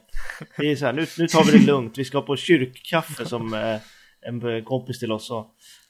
När vi pratade om Moores klädsel i filmerna ser han ut som han ska på kyrkkaffe. Jag tycker det är så fantastiskt bra. Han Det inleder, beskriver verkligen. han inleder sin Bond-karriär med att koka kaffe och på slutet är han så gammal så att han skulle kunna vara på någon folk... begravning eller någonting. Ja, ja, ja. Men han, han börjar med att koka kaffe och avslutar med att laga omelett. ja. Tappa tvålen liksom. Nej, alltså, men på något, jag, jag tycker faktiskt inte scenen är dålig. Den är bara konstig. Det är ett konstigt sätt att introducera honom. Vill man få folk att bli intresserade av en ny Bond så känns det ju inte så bra att visa honom sådär. Kan jag tänka mig. Nej, Däremot så, däremot så diggar jag M i den här scenen. Eh, Ja. Tycker han är härligt, eh, lagom syrlig och eh, även samspelet mellan, eh, mellan Moore och eh, Burnley tycker jag sitter perfekt från början. Ja, verkligen Ja, det, det är ju det som gör scenen att den funkar. Ja. Så är det ju. Och det är Is that all it does? Det är ju jätteroligt, Ja, tycker ja, jag. ja, definitivt. Men man märker ju att Moore vet vad han gör direkt liksom. Hur han ska sätta sin prägel på det liksom. Han är ju inne direkt i det. Tycker jag i alla fall. Eh, ja, Ja, sen är den här Miss Caruso. Ja, hon är inte bra. Jag är väldigt svag för när vi får se hemma hos Bond och det känns verkligen som att Roger Moore, Bonds lägenhet, är väldigt passande för honom som karaktär där Sean Connery har lite mer avstrålad lägenhet och Daniel Craigs Bond i Spectre har en ännu mer avstrålad lägenhet så är Roger Moore riktigt mysig och riktigt eh, inbodd känns det som på något vis det känns som att Roger Moore skulle kunna gå runt i en inredningsaffär och leta möbler och ha det mest moderna man kan tänka sig ha Ja, ja. så jag gillar introduktionen Jag har aldrig, aldrig haft något emot den Nej. Nej men det är ju det. Det är, liksom, det är inte något fel på scenen. Den funkar. Men det är ett märkligt sätt att introducera sin nya Bond. Även om man, även om man vill liksom göra något tonalt helt annorlunda så är det liksom inte kanske det första eh, sättet man tänker på att introducera den nya hemliga agenten. Liksom. I morgonrock med en kaffesked i. Jag, jag håller med fullständigt. Och sen så, ett eh, problem som jag har som, eh, vad ska man säga, illustreras i den här, eh, i den här scenen, det är ju att eh, Desmond Llewellyn lyser extremt hårt med sin frånvaro. Och det är ju det att det är Bond som får introdu- introducera mm, sin egen gadget. och det var ju för att Harry Saltzman inte trodde på att Desmond Llewellyn som Q fortfarande var populär bland publiken så han bestämde sig för att inte plocka in honom trots att han var tillgänglig Så Harry Saltzman det. ja, Var det inte också lite att, ehm, att han inte ville att det skulle vara så mycket gadget, att, gadgets, att det skulle vara lite mer avskalat och därför också liksom, äh, då struntar vi i honom. ja, det är ett genomgående tema i hela filmen att de vill försöka gå bort från allt som är Connery men att skippa Q i den här filmen känns väldigt omotiverat Jag, på något sätt tycker jag inte det, för att eh, ja, då skulle... Skulle de ha kommit dit alla tre, Q, M och Moneypenny, eller skulle de plockat bort någon? Jag har liksom aldrig saknat honom i den här filmen, faktiskt. Ja, Det känns som att han klar, man klarar sig utan honom, men det hade inte skadat med honom med. Men jag, jag bryr mig inte riktigt faktiskt egentligen. Jag tycker att Q i en Bond-film, det är liksom som sillen på julbordet. Spelar ingen roll om det är någon som äter av det eller inte, det ska vara det. Vad fan är Arne Weise? Ja, lite så. vem är jäveln som inte äter sill på julbordet? Det är väl alla? Ja, Ja, jag, jag tänkte dra till med eh, dopp i grytan, och, Nej. men så inte nej, nej, Ingen- vem fan har det egentligen? Ja. Lite Svensson Svensson-referenser. Var är min lille vän? Skåne. Sk- Jag Ja. talar om Skåne. Scooby-Doo går på Ja. TV3 i år. Ja, härligt. ja, ja, nog om Svensson Svensson. Ja, ja det, men det är för övrigt en väldigt bra scen. Verkligen. Ja, Ja. Vart var vi? jag hade velat sett Q att han introducerar klockan, att den kan, eh, vad den kan göra utöver att den är magnetisk. Det hade behövts framåt slutet sen Ja, då jo. helt plötsligt Bond använder den på sätt vi inte visste att den kunde användas på. Nej, det är sant. Roger Moore, Roger Moore gör en Pierce Brosnan. Ja, du tänker med Tomorrow Never Dies och bilen. Ja, Det är väl ganska vanligt i Bond-serien att de inte alltid orkar presentera alla gadgets. Ja, jo. Och då var det not enough med klockan också. alltså blir, blir, vi mer, blir vi mer påtagligt på, på slutet Ja, med verkligen. Brosnan. Det var därför Ja. jag, jag associerar det med det i alla fall. Skitsamma. Ja.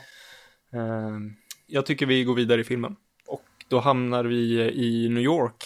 Ehm, Det jag vill nämna först är att det är sjukt bra tempo i expositionen när Solitaire berättar att Bond är på väg tillsammans med att vi får se flyget åka över. Det är riktigt bra. Eh, det håller jag med om.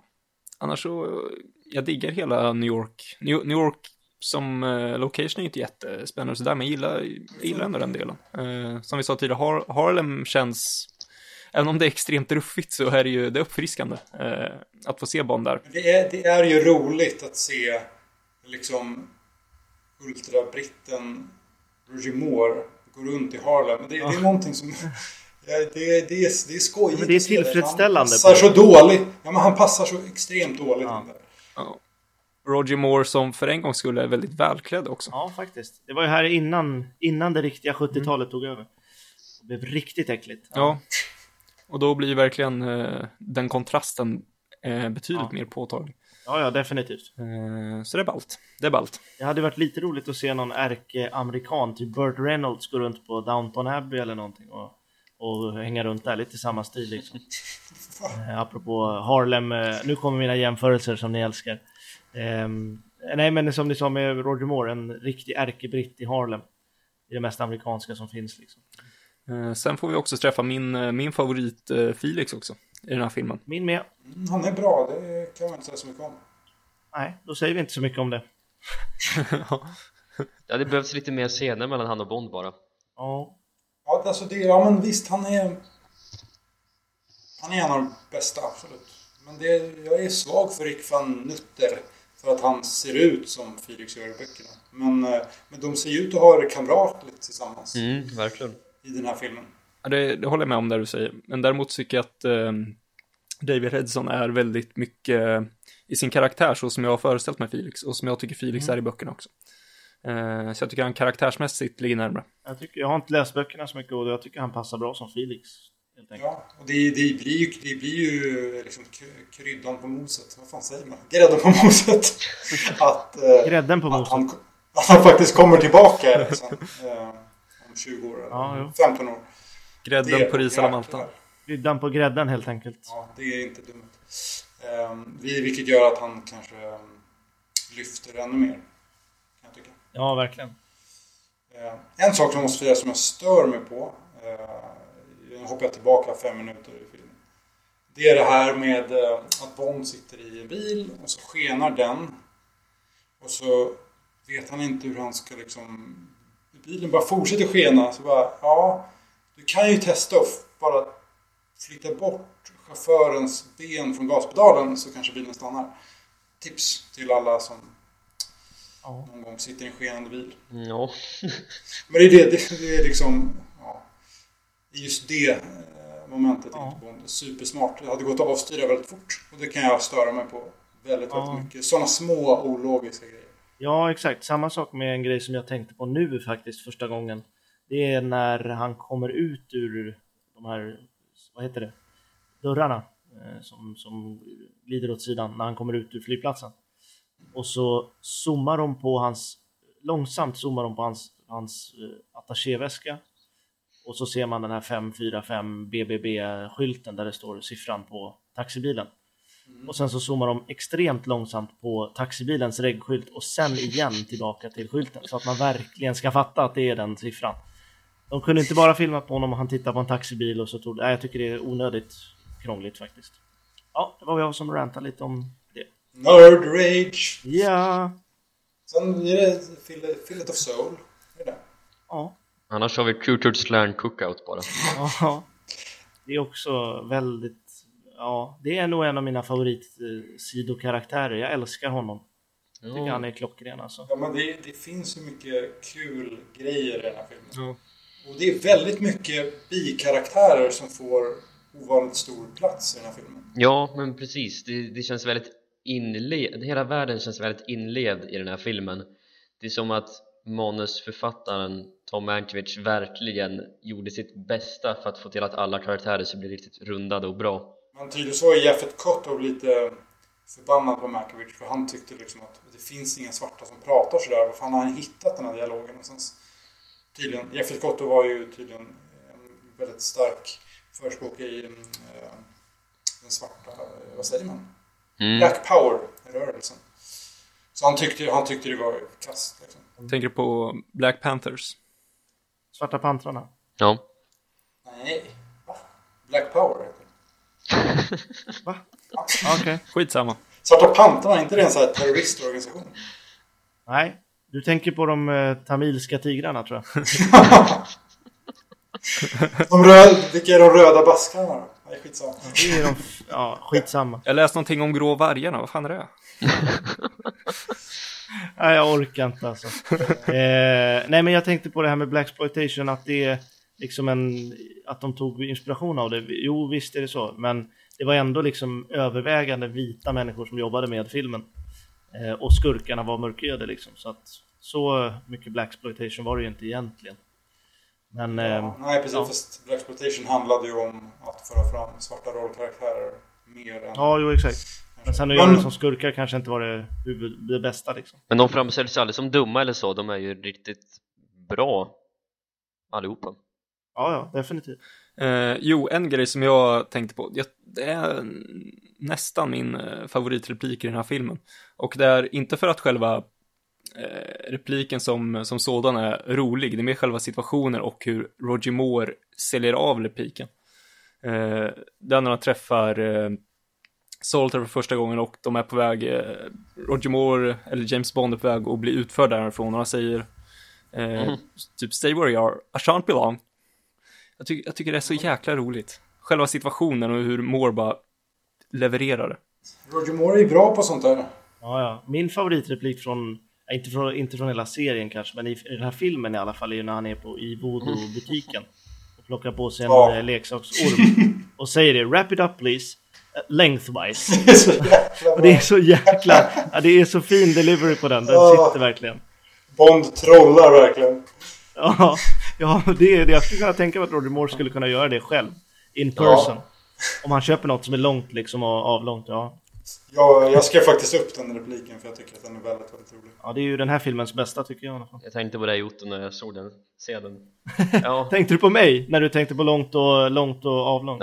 Okej. nej men du har nämnt det förut, det var därför. Ja, ja, okej. Ja. Ja, jag, har- jag, det är också en replik som jag har dragit upp någon gång ibland. Sen, Ja. sen nästa grej på mitt lilla anteckningsblock är en annan replik som kommer från inne på Fillet of Soul. Eh, när Bond beställer en bourbon. Och så säger han eh, No ice. Och så säger Gilbert That's extra man. jag vet inte varför jag tycker det är kul. Det är verkligen så här, jaha. Du får betala extra om du inte vill ha is. Det är, det är så de behandlar vita som kommer in. Ja. Det är väldigt roligt. Eh, har vi något mer på New York-delen? Jag gillar eh, bakgatan som han Bond blir insläpad på och sen tänker jag Bond slår ju ner dem genom att han sparkar en av dem i magen och han drar ner stegen på den andra så säger ju Kananga senare i filmen att, han- att en av hans agenter blev mördad i Harlem är det tänkt att Roger Moore Bond dödade någon av de två? Och hur då i sådana fall? Han tar ju inte i riktigt när han... Finns det ingen annan som dör? Nej, det är det väl inte. Nej, jag, jag sitter bara och är förvånad över att de överhuvudtaget ens eh, svimmar liksom. Han som får stegen på sig kan ju få lite ont, men det är Nej. inte så att han dör. Det jag stör mig på lite i den där scenen och i många andra scener i just Live Let Die är att de försöker föra oss bortom ljuset upprepade gånger Det är som här när Bond precis slagit ner de här soldaterna eller vakterna eller hantlarna eller vad man nu säger att de är och Harold Strutter, CIA-agenten kommer och säger “Drop your gun” till Bond och det är helt onödigt för att i själva filmens värld så är ju Strutter en medhjälpare, han tillhör CIA så det borde inte vara något sånt typ av distraktion. Men det kommer ofta i den här filmen som en typ av upphöjning, upphöjning av spänning från Guy Hamiltons sida. Och det, det stör jag mig lite på. Ja, det, det jag stör mig på med, med igen... Ja, det, det där är väldigt konstigt just med Strutter. Uh, jag, jag vet inte de andra tillfällena, kan jag ta på rak arm komma på. Men det, det märkliga är att varför har vi Strutter om vi också har Felix Leiter? mm. Fyller liksom ingen funktion. Han finns där, ett, för att visa att det finns snälla svarta killar också. Och han är där för att dödas. ja, Det är han som dödas sen i New Orleans Eh, Ja, så han är ju en helt överflödig karaktär.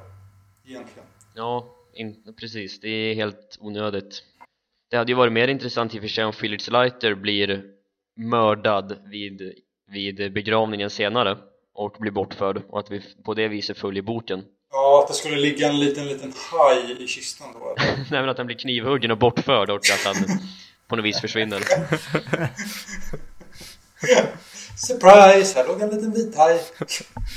Han förs till Slumber Inc i eh, Kalifornien. Nej men ändå är det USA så kan vi plocka in honom igen, det är ju... Hade varit allt för det alltså Ja, ja, ja, ja, jag med. Nästa Bondfilm borde heta Slumber, då har vi Skyfall, vi har Spectre, vi har Slumber Lika många bokstäver, alla börjar på S Grymt Ja, ja, ja. Ja, grömt är det faktiskt, det stämmer. Grönt. Ja, ska vi ta oss vidare? mm. Eh, och då åker vi eh, söderut. Mm. Eh, så befinner vi oss på hotellet. Och ja, det händer lite mm, olika grejer. Ja. Och det är ju, men just det där, undersöka hotellet igen. Äntligen. Det är ju kul. Ja, ja jag tänkte också på det. Det är så jäkla skönt att det är tillbaka. Verkligen. Ja, jag är ett frågetecken just där Bond går runt och visar upp sina gadgets, eller snarare testar dem Sen tar han upp sin lilla borste sin, Som drar han upp den och det är någon typ av antenn och så trycker han på en plastknapp Som han sen pekar ut ur hotellrummet Och han trycker på den upprepade gånger, sen tittar han på den som om den vore trasig Vad gör han med den? Jag tror inte han förstår sig på den. Nej, han, han plockar fram den, trycker lite på den, tittar på den och sen lägger han bort den Det ser ju ut som en så här jätteliten eh, tele, telegraf. Telegraf. Nej, alltså att han skickar, skickar meddelanden med. den. Morsekod, du vet. Ja, exakt, morsekod. Telegraf, Rickard. Det ser ju ut som en sån, för det, det är ju en liten knapp och så trycker han på den i en viss följd. Så det, det ser ju ut som det. Men till vem skulle han skicka det i sådana fall? Exakt, det är det jag inte fattar. Jag fattar inte, till vem skickar han, varför slutar han så tidigt? Vad, vad håller han på med den? Jag fattar ingenting.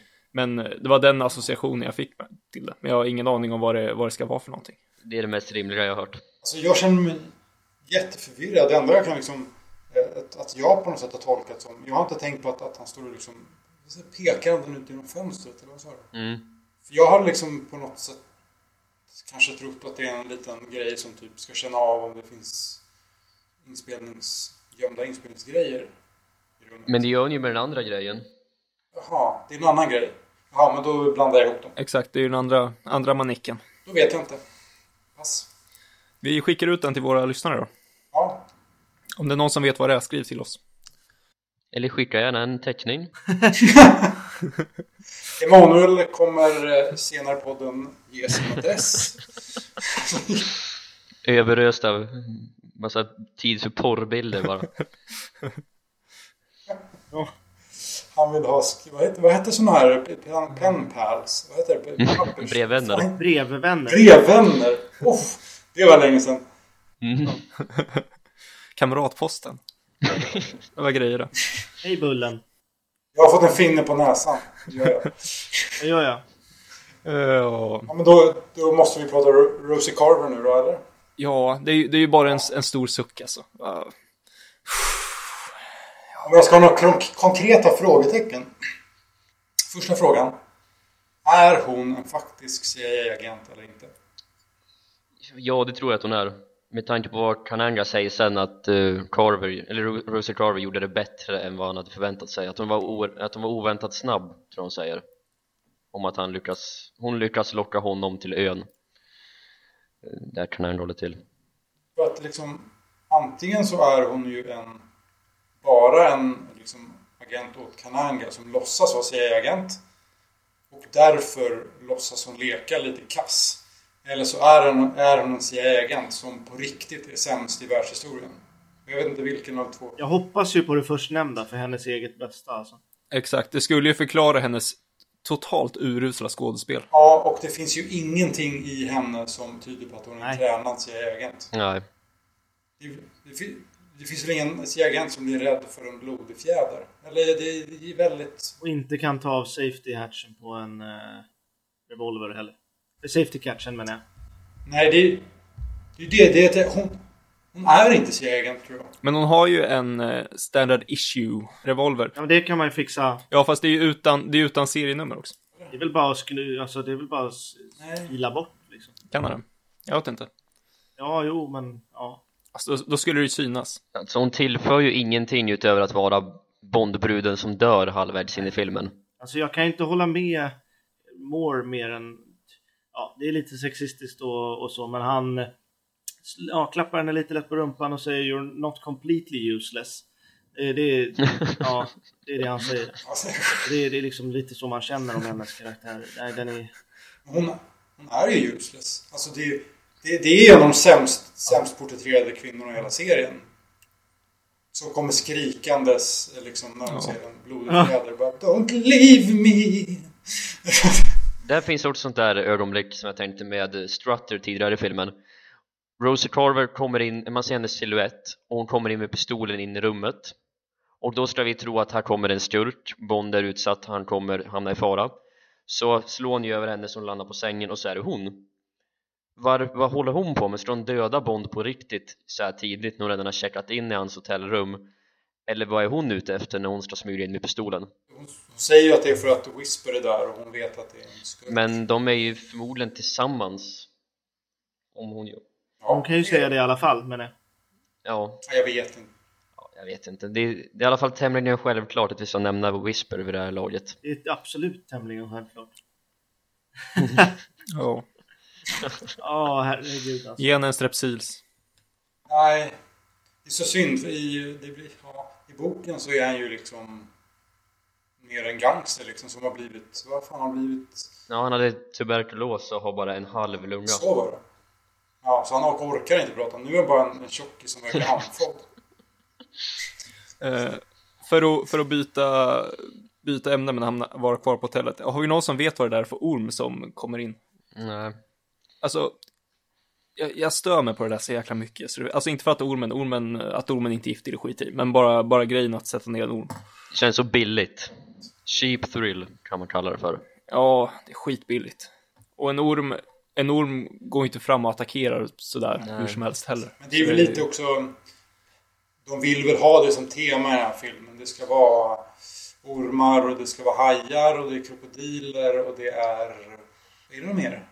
Det ska vara exotiskt. Ja, alltså det är, på engelska är det en speckled king snake som attackerar honom i badrummet. Ja, och är den farlig? Nej, den kan, den kan gnugga lite på fingrar och sånt. Eller gnugga, vad säger jag? Tugga lite med på, på fingrar. Men inte giftig på något Ja. sätt. Rent generellt gillar jag de här små ögonblicken mer än de stora actionögonblicken i filmen Men eh, det kommer vi komma till snart Sen, är det, sen får vi ju se den här voodoo-ceremonin. Eller hur? Med Baron Samedi i spetsen. Det är första gången. mm. Ja, det är ju det är ju egentligen det första där efter att de drar söderut. Exakt. Och då, äntligen, the return! Bullshitometer! Ehm, jag var tvungen att läsa på lite om voodoo. Det blev väldigt snabbt genomögnande av texter som var väldigt långa. Men nu kan vi förvisso då fastslå att det där verkar ju vara någon sorts lite så här turistattraktion-grej. Eh, just den ceremonin som vi får se där. Men det är ju inte så man praktiserar voodoo på riktigt. Voodoo är ju en... Ehm, det är ju en religion som många andra som i och för sig är väldigt grundad i naturväsen och sådär. Men hela grejen med liksom voodoo-dockor och Baron Samedi, ja det är inte någon verklig karaktär. Det är ju som... Ja, det är väl som i grekiska mytologin, en sorts karaktär som symboliserar döden. Liksom. Så att man... Ehm, ja, själva voodoo-grejen är ju inte verkligt avbildad i den här filmen utan det är mer som man tänker sig att Hollywoodfilmer gör, använder det lite som skräck. Men så är det inte på riktigt. Det är en existerande religion som inte håller på med att binda kvinnor vid stolpar och attackera dem med små ormar. Det gör de Nej. inte. Definitivt. När vi, när vi ändå är inne på det här lite, vad ska man säga, andliga. Eh, så tänkte jag bara, alltså hela den här grejen med voodoo, men framförallt det här med spådomar och grejer. Jag har inget problem med att egentligen här i filmen, det stora problemet jag har med det är att de i stort sett till tittarna säger att det här funkar. Ja. Eller, jag stör mig inte på det heller egentligen Ja. för det, tittarna är ju smarta nog att fatta att det inte fungerar. Många i alla fall. Inte alla men Nej men det är ju det att det, ut, det, är liksom, det används som om att det funkar. ja. Ja, och det stör jag mig. Ja, fast gör det egentligen det? Ja, Det är ett intressant inslag, jag tycker mig inte stör mig på det. Det visar väl mer än att det finns mer tolkningar av verkligheten och världsbilden. ja, där håller jag nog med Emanuel faktiskt. ja men sagt att det är med, det har jag absolut inga problem med. Men det är just det det här att Solitaire är en spådam som kan spå framtiden, sen ligger hon, och, ligger hon med Bond och då blir hon värdelös. Ja. Ja, jag vet. Det är ju det som är lite märkligt på något sätt. Ja, då tappar hon kraften och, jag, och hon gör ju också det. Det är ju det som är så... Det är det, det är det jag tycker är så konstigt. Det har ju en tydlig religiös grund. Man, man brukar ju säga det inom många religioner att kvinnan på något sätt är ren och öppen för andlighet så länge hon är orörd inom citattecken. Och det är väl samma sak inom voodoo-läran också skulle jag tro och att hon därmed i och med att hon har öppnat sig för en man så har hon stängt sig för det andliga. Så inom världen som de försöker visa så är det väl rimligt även fast det framställs lite halvtaskigt. Men det, det märkliga är ju att eh, Bond i, liksom alltid visste att det är skruvat och så, men det är alltid det är alltid verklighetsgrundat och det här är väl den enda filmen som lite tullar på det på något sätt. Eh, och jag har sagt, jag har inga problem med det. Ja, Jag tycker att det, det ger den här filmen någon sorts, ja, en lite speciell atmosfär som jag gillar. Men det var en grej jag kom på nu som har varit coolt. Det hade varit roligare på ett sätt om det hade varit tydligare att Kananga eh, slash Mr Big använder den här voodon för att skrämma folk fast man tydligt märker att det faktiskt inte funkar att Solitaire spår konstigt och, men att han fortfarande att det, han håller uppe det mer som en fasad än att det faktiskt funkar. Det hade varit en coolare touch. Lite som Dr. No i Dr. No. Med draken till exempel. Precis. ja, Mm. Det ty- håller jag med om. ja exakt. Jo men det, det, är dit, eh, det är dit jag vill komma Rickard. Jag tycker du uttryckte det väldigt bra. Att jag gillar inte den vinkeln de har tagit på hela, hela den grejen. Att det ska framställas som att det funkar och att det är verkligt. Ja, jag- förstår vad du menar. Men jag hade velat sett det spelas upp spelas upp mer just att de visar att Kananga har en uppenbar, uppenbar överhand i det här att han kan se vad Bond ska göra innan han gör det för det hade ju verkligen kunnat satt Bond i en väldigt obekväm position Det används ju inte heller. men riktigt dit kommer de inte heller Nej men det, det är ju... I, I boken så är det lite mer grundat. Eh, det är fortfarande... Det finns mer där. Eh, solitär. Att hon kan spå lite grann. Men Baron Medi finns ju... Han existerar ju inte i boken utan är... Där är han den symbolen som han faktiskt är i voodoo-läran på riktigt. Alltså symbolen för, för de döda och, eh, och Mr Big har alltid symbolen för honom stående på sitt skrivbord för att skrämma sina liksom, medhjälpare. Ja. Eh, Och han ska ju vara, i voodoo-läran så är ju han, ehm, han, är, han ska ju vara en, en levande död på något sätt, en, en zombie. Det är ju från voodoo-läran som eh, termen zombie kommer ifrån. Eh, Ja. The man who cannot die, som de säger. exakt. Ja, exakt. För Baron Samedi kan ju vara den hantlangare eller den karaktär som, som är minst, alltså är en av de mest klassiska nu, men som minst har varit med, eh, som, som minst har varit med i filmen som är mest klassisk nu. Som har, jag vet inte varför han har blivit så känd. Han är med i massa tv-spel och används väldigt mycket som multiplayer-karaktär i massa spel. Men han är inte direkt så ikonisk skulle jag säga i, i filmen. Alltså, jag älskar honom. Nej, jag tycker också han är bra, men han har det är inte som Oddjob och Jaws man förstår varför de är. Men han är lika stor som dem liksom. Jag fattar Ja. inte riktigt. Han gör ju ingenting. Nej, det är det. fram till. Eh, han gör faktiskt ingenting. Han har inget hot på något sätt.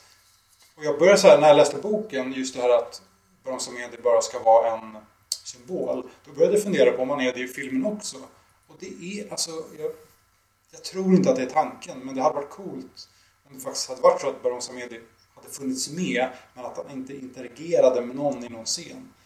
Men så är det inte riktigt. Men, men han, liksom, han är aldrig något hot för Bond. Bond dödar honom ganska lätt, inom citationstecken, för han kan ju inte dö. Ehm, jag tycker han är cool. Jag tycker han är ascool. Han har så coola kläder, han är lång som ett jävla hus Ja. och spelar flöjt lite falskt. Vad mer behöver man? liksom? Finns det någon vettig förklaring till, var, till vad som händer med honom när Bond skjuter honom i huvudet? Nej. Nej. Det är också en del av, Där vid en gravstenen. del av det där mystiska. Liksom. Att, nej, jag, jag vet inte. Ja, jag tycker det är riktigt coolt i alla fall. Jag gillar det här. Det sätter fin stämning på något sätt. Mm.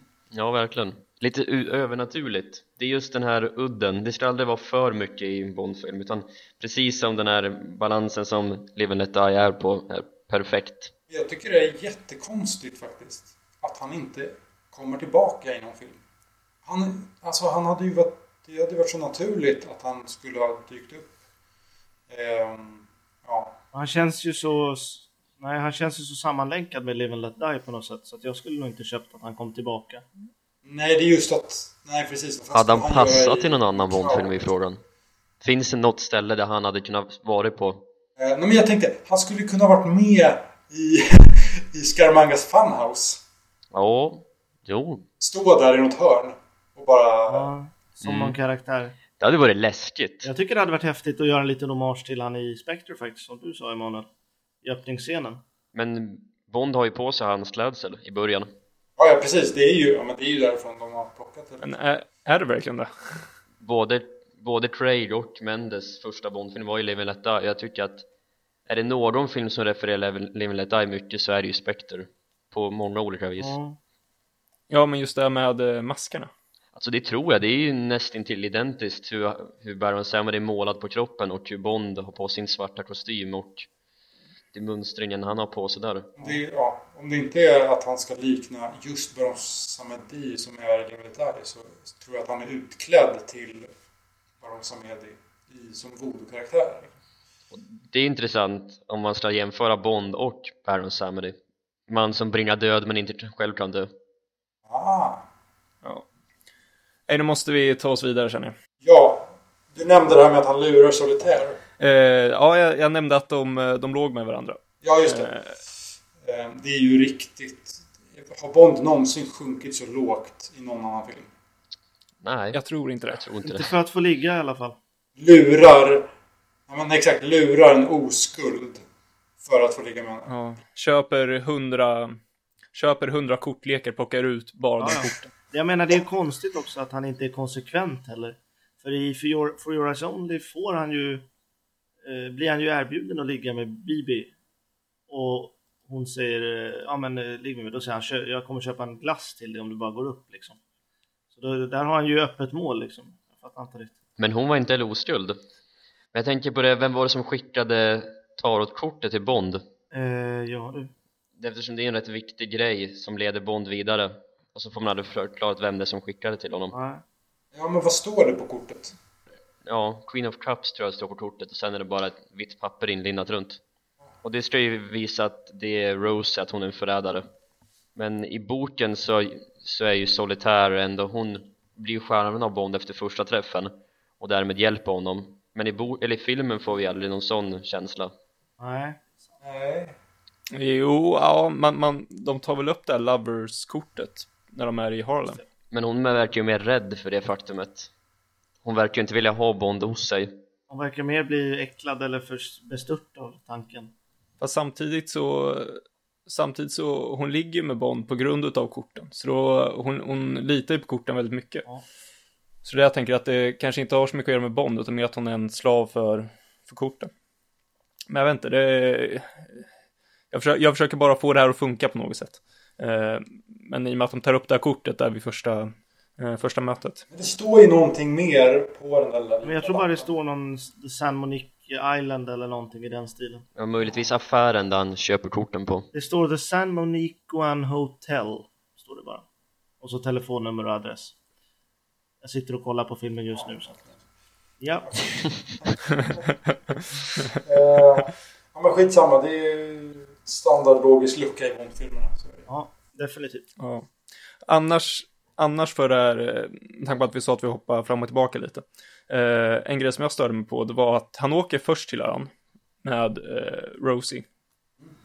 Sen dör Rosie och istället för att bara vara kvar på ön och infiltrera stället så drar han därifrån och kommer in på ön igen med en hangglider. Ja, Bara för att de ska åka hangglider.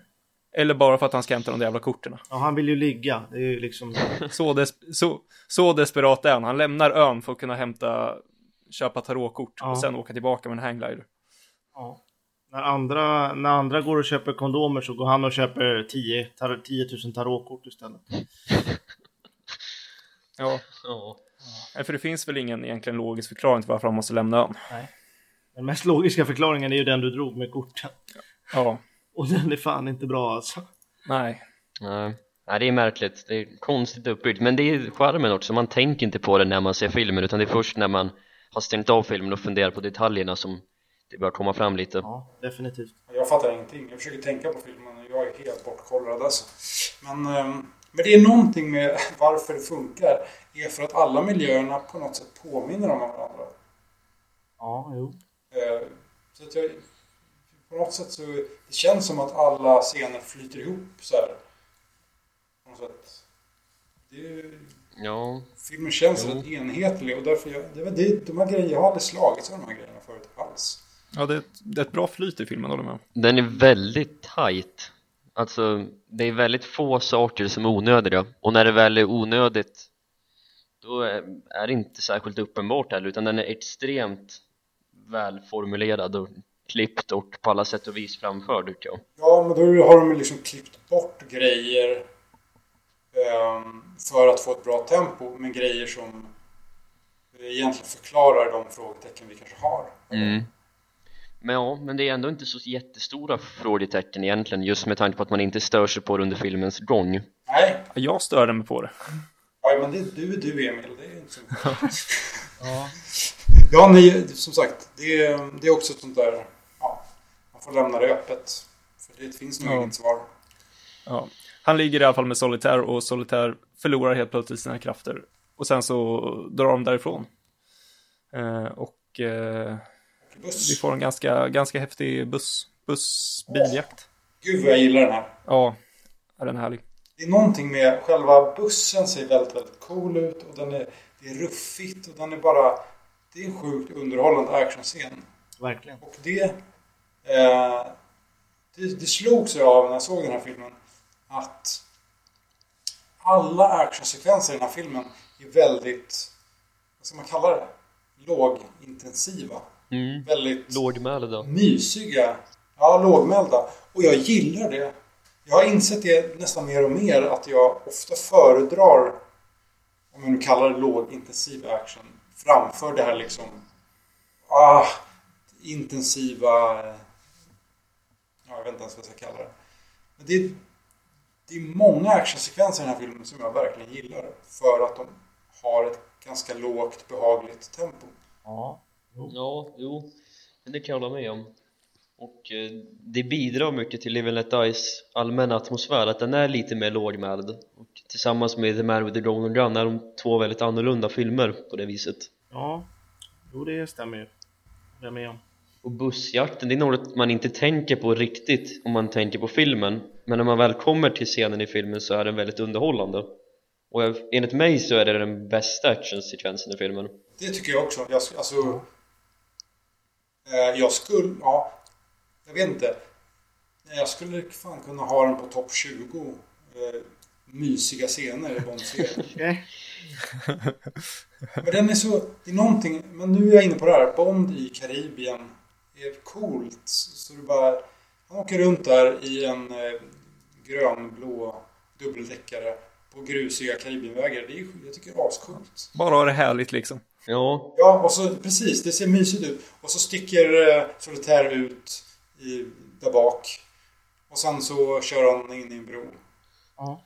Ja, och sen är den, den är ju väldigt effektiv också för Bond är ju faktiskt, han är jagad och han tar sig därifrån, han tar det första bästa han använder och bara sticker och kör på måfå egentligen så den för ju handlingen framåt så som inte alltid scen- actionscener i Bond-filmerna gör det men här är det väldigt påtagligt Ja, det... det är bra helt enkelt Ja. Guy Hamiltons kanske bästa actionscen också skulle jag vilja påstå i alla fall hittills Ja. Ja, det får vi se. Ja, det, det är möjligt. Eh, sen drar de i alla fall vidare tillbaka till New Orleans va? yes Eh, och är det den här flygplansgrejen som kommer först där? mm, ja. Mm, ja, det är det ja, tyvärr. Är det det. Ja, Ja, det är sådär. Den är totala motsatsen Den är helt ineffektiv och eh, tillför egentligen ingenting utan det är bara kraschande bilar och kraschande flygplan sånt där som Guy Hamilton uppenbarligen har en fetisch för Han går igång på det där. och sen så när han kör, när han kör flygplanet och det står folk med pistoler och gevär och allting ska skjuta. Så kör han förbi, de hoppar undan. Så stannar han planet 50 meter därifrån. Och då är typ jakten slut. Ja men vad fan, de borde ju fortfarande vara efter Ja. honom. Vad fan, Ja, vad hände? hur slutar jakten? Han bara stannar ju där han stannar. Han stannar ju där han började ju. Ja, han parkerar bara flygplanet, sen... Och sen är vi på hotellrummet Det är så konstigt. Ett väldigt lat sätt att... Alltså, Jag, ja. jag, mår, jag, alltså jag mår dåligt under den där jakten. Alltså, Ja, den absoluta lågpunkten i filmen min pappa är amatör hobbypilot, kallar man det för. Eh, så jag har vistats ganska mycket eh, liksom, kring flygplan och liksom, ja, i sådana sammanhang.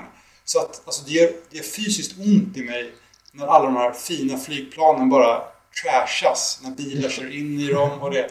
Alltså jag, jag blir knäpp. Jag, alltså jag, därför jag hatar den där scenen. För att den är så obehaglig.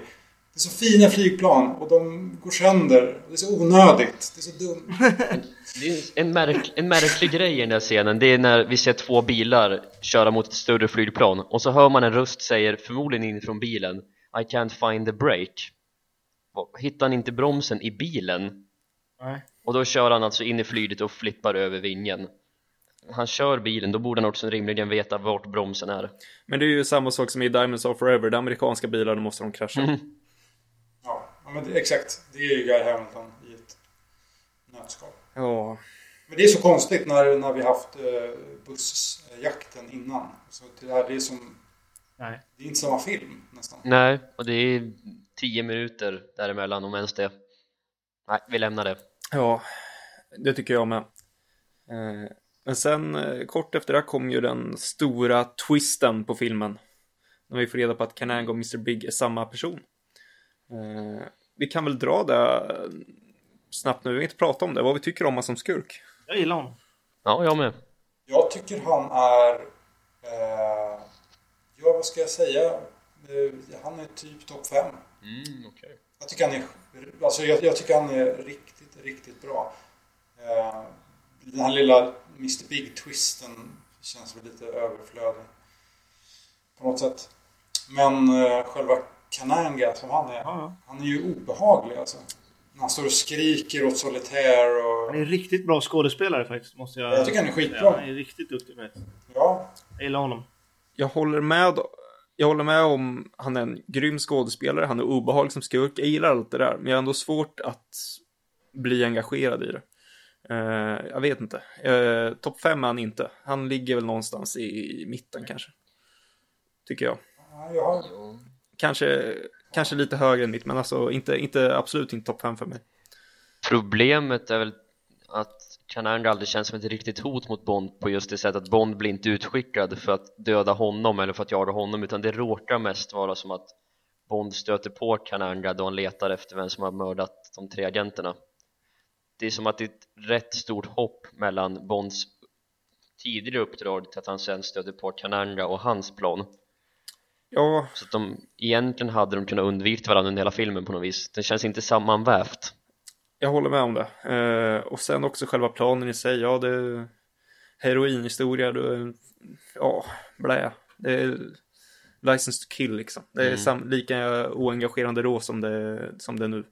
Jag, jag har svårt att bli engagerad i det. ja, jag gillar karaktären men Eh, sen är han en bra skådespelare. Men eh, jag tycker inte att han är eh, något speciellt stort, stort hot överhuvudtaget. Han har inte någon plan som jag gillar. Så nej. Ja, jag tycker han är karismatisk. Och jag vet, alltså planen på något sätt, när man får veta den, tycker jag den är liksom ändå lite sådär cool. Alltså, är cool. Man, inte på det sättet att det är coolt med heroin. Men Det räddas ju av det att han är så pass grym i rollen som han är. Ja, det är på något sätt det jag går på. Det hade... Han är ju, det konstiga är ju att han inte är så... Han är inte så hård mot Bond. nej Han hade kunnat vara lite liksom... Men... eh, Men det, ja. Det- Jag tycker han lever helt fullt på Jaffet Kottos prestation. Och jag tycker det, det... Jag nöjer mig. Jag tycker det är bra. Jag gillar det. Ja, Ja, jag gillar hans fascination för Bond han verkar, ver- han verkar verkligen gilla Bond som person och hade det inte varit för att de råkar stå emot varandra så tror jag att eh, han hade gillat Bond ännu mer på något vis han verkar se upp till Bond på något konstigt sätt Ja. eller se ner på honom Ja, det är väl ganska klassiskt också för vissa Bond-skurkar. mm. gärna manga också. Ja. Apropå det, jag kom på en, eh, jag kom på, det här är lite off topic, men ehm, en kollega på jobbet faktiskt frågade om vem som tog Bonds oskuld. Finns det någon info på det eller? Ja. Han vill väldigt gärna veta. Vill du ha det, det original Fleming-svaret eller? Ja, exakt. Eh, ja, det var en prostituerad i Frankrike, i Paris, när han var 16. Det var det. Som, eh, japp, som snodde hans plånbok när de var klara. Okej. Ja, ja, ja, kul. Det är intressant. Jag, jag trodde inte det fanns något svar på det. Jag hade faktiskt ingen aning. Jo, det är väl i, i ehm, novellen From a View to a Kill man får veta det. Då han minns tillbaka på senast han var i, i Paris. Okej. ja just det Ja. Eh, väldigt skön Bond-trivia måste jag säga. Ja, verkligen. Ja, det är ju, det är ju Flemings, Fleming i ett nötskal. Ja. Eh, har vi någon mer på New Orleans-delen här? För jag känner annars att det är lite så här. Det är väl båtjakten är väl i New Orleans? Ja, det är det i och för sig. Eh, jag tänkte annars mer på det som var innan där. Shoot. Eh, för den känns annars mer som Louisiana i stort och inte just New Orleans. Men skitsamma, vi går vidare då. För innan det så är det krokodilfarmen, den tycker jag vi kan snacka lite om. mm. Just det, den också. Riktigt bra scen tycker jag. Ja, är som sagt, det är, ju- det är ju den som etsade sig fast i mitt minne. Innan jag ens visste att det var en James Bond-film. Så eh, är det ju fantastiskt. Det är grymt. Ja, verkligen. Jag tycker ju att det här är den bästa scenen i Live and Let Die. Eh, Eh, ja, en av de bästa i alla fall. Ja. Den, den är smart uppbyggd liksom. Att de, att de går på den där lilla bron över där. Och utan att man ens riktigt är med på det så åker T tillbaka. ja, bron och så står Bond själv där. Och jag har alltid gillat det där med den där båten som Bond ser sin eh, väg ut. Och så, ja där kommer den och så, nej fan det var fastbunden. Det är, ja, den är, jag tycker den är liksom smart uppbyggd. I sin li, litenhet. Verkligen. Mm. en av de få scenerna i filmen där Bond verkligen, verkligen känns hotad. Ja, verkligen. Det är det är inte en uppenbar färdväg han har ifrån den här lilla- ön utan att eh, han har verkligen tur i det sättet att han kan ta sig över. Nej, precis. Och det, det gillar jag också. Ja, Ja, Eh, och sen är det ju jätteroligt att Bond har på sig eh, skor av krokodilskinn. Ja, exakt. ja. och sen kommer båtjakten. Sen kommer båtjakten. Eh, vad hur ska man säga om den? Den är, den är maffig. Eh, den är också lite som eh, biljakten, lite så här ändå eh, hyfsat så här lugnt, chill tempo. Eh, Ja, men ja, jag vet inte, jag, har aldrig gillat den. Jag tycker det är, det är för långsamt och det är lite väl långt trots att det är spektakulärt och uppenbart ska vara filmens huvudpunkt. ja, i och med att jakten är så pass väldigt, väldigt lång så blir det ju, men just med det låga tempot så känns det ju nästan segt åt det hållet så att det blir segt. Eh, Ja. Biljakten slutar ju i väldigt bra tid. Och sen händer det mycket på sidan av också. Vi har ju JW Pepper på sidan, vi har de andra som jagar. Det är mycket som händer på samma gång som egentligen inte är helt nödvändigt i handlingen. Och där filmen annars är väldigt effektiv så är båtjakten lite väl spretig. Ja, Ja, verkligen. verkligen. häftigt, eh, häftigt båtstunt dock när de hoppar över, Ja, Ja, hoppar över bilarna. ja. Jag tycker båtjakten här har väldigt mycket likheter med biljakten som kommer i nästa film. Ett stort stunt som symboliserar hela, resten är bara fordon som jagar varandra i princip. ja men det, det är liksom eh, kommer samman lite med det jag tyckte om bussjakten. Att jag gillar att det är så här lågintensivt. Alltså det, alltså det, det måste inte hända jättemycket grejer i en actionscen för att den ska vara intressant och spännande. Nej. Eh, och jag, tyck, jag, jag tycker att det, nu pratar jag lite allmänt så här, jag tycker det som är, det är ofta problemet med nya, lite modernare actionfilmer. Att de tror att en actionfilm måste vara action hela tiden för att det ska, folk ska gilla det. Och det, det kan inte vara mer fel. Quantum of Eh, Solace. Ja, det är också en sån film som dras med lite sådana problem. Och ja, nu kommer jag in på helt andra grejer. Batman vs Superman också. Nej, de actionscenerna är så dåliga så Ja. liksom tårar av ledsamhet. Nej men det, jag bara... Och därför, därför har jag mer och mer börjat uppskatta den här båtjakten. Eh, för att den är lågintensiv och därför tycker jag den är väldigt härlig och kul och ganska ändå på något sätt spännande att titta på. Ja, eh, nej men jag, jag gillar båtjakten, men eh, den är härlig, men jag tycker inte att den är så här eh, verkligen topp, vad ska man säga, utav de topp actionsekvenserna i serien. Jag tycker, eller ens i filmen, jag tycker att biljakten är bättre.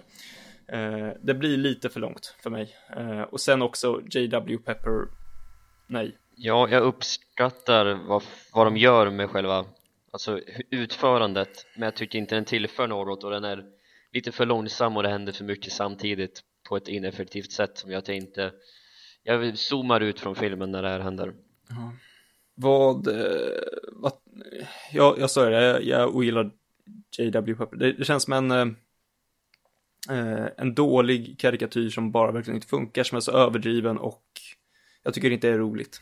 Eh, alltså jag, jag vet inte riktigt om jag håller med faktiskt. Alltså han är ju dålig. Han är väldigt, väldigt pajig.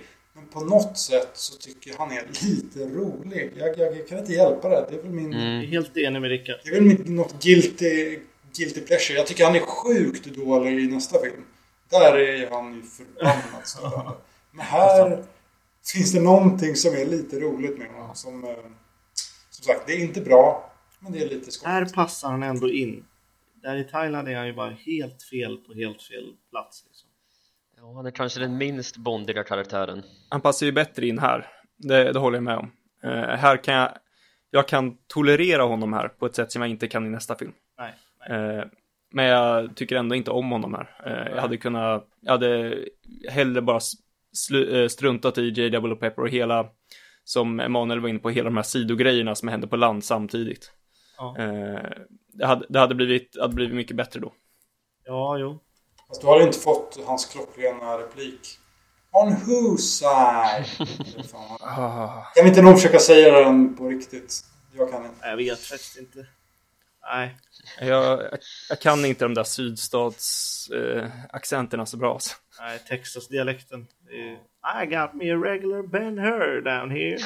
Det är galen alltså. Han har ju ett par bra repliker, det måste man Ja, ja, säga. Definitivt. Jag skrattar åt honom, både här och i The Man with the Golden Gun, men precis som jag sagt så tillför han ju ingenting och därför, Nej, därför kan man ju inte gilla honom helt tyvärr. Men nej. det är Mank, Mankiewicz är, han, han är bra på one-liners. Han är bra på repliker. Precis.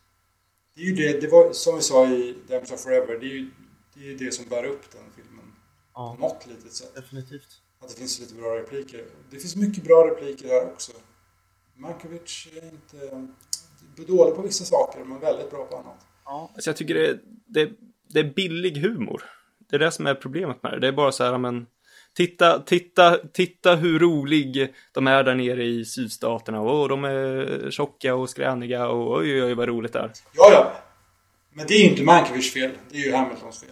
Hur de porträtteras. Utan hur som man, alltså replikerna som man får är ju ganska roliga. Men jag tänkte på det också, det här är ju enda Bondfilmen som Mankiewicz enbart har skrivit Ja, det är sant. Både The Man Who Drove the Gun och Diamonds Are Forever var ju ändå Maybaum med på. Och frågan är om man känner av det för Live Me Let Die känns ju markant annorlunda i jämförelse med både den innan och den efter. Ja. det är någonting med känslan som ändå är annorlunda. Kan, ska man säga amerikanskt på något vis? För här har vi en hel amerikansk författare. Fast det var ju i och för sig Maybaum också. Men han var ju bosatt i England under stora delar av sitt liv också. Ja, men det kanske är någonting. Den här känns lite mer positivt amerikansk än vad Diamonds Are Forever gör. På något sätt, eller? Ja, verkar mer uppskatta miljöerna och platserna och känslan än vad Diamonds of Forever gör Ja, verkligen. Ja, nu är det väldigt spekulativt här. Ja. Men, eh, Förut, förutom J.W. Pepper. ja, ja, ja, ja. ja. Ja. Nej, jag tycker det bara känns som så här, den bästa sommaren med Kjell Bergqvist när de ser en neger. Och titta nu barn, där är en neger. Det känns som samma grej. Titta nu alla barn, här är en galen sydstatssheriff. Kolla hur de är här nere. ja. Ja. ja, så är det ju. Det är ju lyteskolik. Ja, Ska vi köra en disclaimer eller på att ingen av oss är rasist eller? Vi sl- slänger ju med ord som eh, folk kan an- anta som stötande. Ja, men det är ju citat. Ja, fast det var ett Okej. citat. Ja, då, det hängde inte jag med på. Men eh, ja, Nej, men det är för att du är som du är. ja, ja. Ja, Jag vet citatet från, eh, ja, ja, skitsamma, skitsamma. Ja. Det kanske inte var ett direkt citat, men det var Nej, ju, ja, jag det är fattar. så han säger. Ja. Båtjakten eh, leder oss vidare till klimaxet. Ja. Ja, ja, det är väl inte filmens... Ja, det, det, det, Ja, det, det, är inte, det är inte det sista actionsekvensen i filmen. Den kommer ju senare på tåget. Men man kan väl, man kan väl säga, ändå säga att det är klimaxet. Ja, absolut. Nej, jag funderade mer på vad jag faktiskt tyckte. Ehm, jag, tyck, den, den, jag tycker att den är bra fram tills uh, Kananga blir en luftballong. ja. Det är inte de bra. skippat ljudeffekten där bara så hade det varit skrämmande Det är ljudeffekten som dödar det helt och hållet Ja, alltså. Jag tycker det är själva praktiska effekten som dödar det. Ljud eller inte ljud spelar ingen roll för mig. Det är fortfarande så brutalt fult alltså så att det finns inte. Ja. Ja, men frågan är om, man får en sån uh, uh, compressed air bullet, eller vad det heter, i munnen. Uh, Spotta ut. ta ut, exakt. Svälj den inte, för då kan du dö. Men om du bara spottar ut den efter att Bond har släppt din mun så kommer det gå bra. Är det så att de har försökt att dölja hur ful den där effekten är genom att zooma in det så mycket det bara går så att det nästan bara blir suddigt? Ja, jag tror det. Ja, ja, de, Jag är helt på den teorin. Eh, ja. Ja. Ja, Men ja, i övrigt, jag, jag gillar ändå studio, de studiokulisserna Både i San Monique och eh, underjordiska där kanalen håller till Det känns uppenbart fejkat men det, det passar ändå Live and Let Dies Lord Melda-stil jag gillar själva rummet. Däremot, däremot eh, soffan som Whisper sitter i. Vad är det för jäkla soffa? Är det någon gummisoffa? Någon uppblåsbar gummisoffa? ja. Också väldigt bra alltså. Han bara gli- han, Det ser så skönt ut. Han glider in i den där fin... Och så sitter han och skrockar för sig själv Ett det är pålagt skrattljud också som uppenbarligen inte är hans Sitter han där bara njuter i soffan Ja. Men eh, jag gillar klimaxet, jag gillar när Bond slår ner Baron Samedi Jag gillar när han skjuter den här prästen och jag tycker det är en härlig känsla. Härligt lågmält och lite murrigt på något vis. Det är väldigt otypiskt en Bond-film och det gillar jag, jag gillar Bonds outfit. Det bästa i filmen kommer nästan här Tycker jag, i klimaxet Ja, Alltså jag tycker, klima, jag tycker inte det är det bästa, men jag, men jag tycker det är bra. Jag gillar det. ja, Väldigt svag för revolvern han håller i och allting det är, Ja. Men som du sa, att, med liksom att, det, var väldigt, att det var snyggt, eh, hans eh, hideout där. Som jag sa i början, att jag, tycker att Sid Kane får för lite cred mm, i Bond-serien. Jag tycker att hans, jag gillar hans eh, art direction, eller vad man säger, vad man kallar det för. Jag tycker den oftast är väldigt, väldigt snygg. Det är ju det, jag är lite för lite lågmält. Och inte något mot Ken Adam. Han har gjort fantastiska grejer. Men ibland så kan hans grejer bli lite för bombastiska för filmen. Ja, jo, det stämmer. Ja. Alltså jag gillar ju Sid Kane. Jag tycker, jag tycker han, han har gjort mycket bra faktiskt. Det är så enkelt det är. Ja, rent generellt så han, är hans jobb mer utstickande än Peter Lamonts arbete som han gjorde mellan For Your Eyes Only och Casino Royale Ja, definitivt. och då har ändå Peter Lamont många fler filmer att jobba med Ja, absolut. Ja, helt enig. Jag, jag tycker att klimaxet är okej och eh, jag tycker det inte blir riktigt bra just på grund av att Kananga inte känns riktigt hotfull. Eh, eh, och därför så funkar inte klimaxet. Jag vet inte. Eh, jag tycker det är helt okej, men inte mer än så. Nej. ja, Jag gillar att det är så pass lågmält att det är bara Bond mot Kananga det är inga hantlangare och det är ingen extra musik eller sådär, inga explosioner, nej precis det är bara Bond mot honom pang, det är slut Ja. Det är sant. Fast, fa- fast det är just det, Kananga är ju inget hot. Han är ju, koll, kolla bara fighten mellan Bond och Kananga. Vad va, vad fasen är det för något?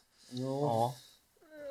Men för vad det är så tycker jag ändå de lyckas Det, ja, är rätt exakt. bra med tanke på att den act- ur actionsynpunkt, ur- actionsynpunkten så är ju båtjakten det perpetuella klimaxet i filmen Ja, definitivt.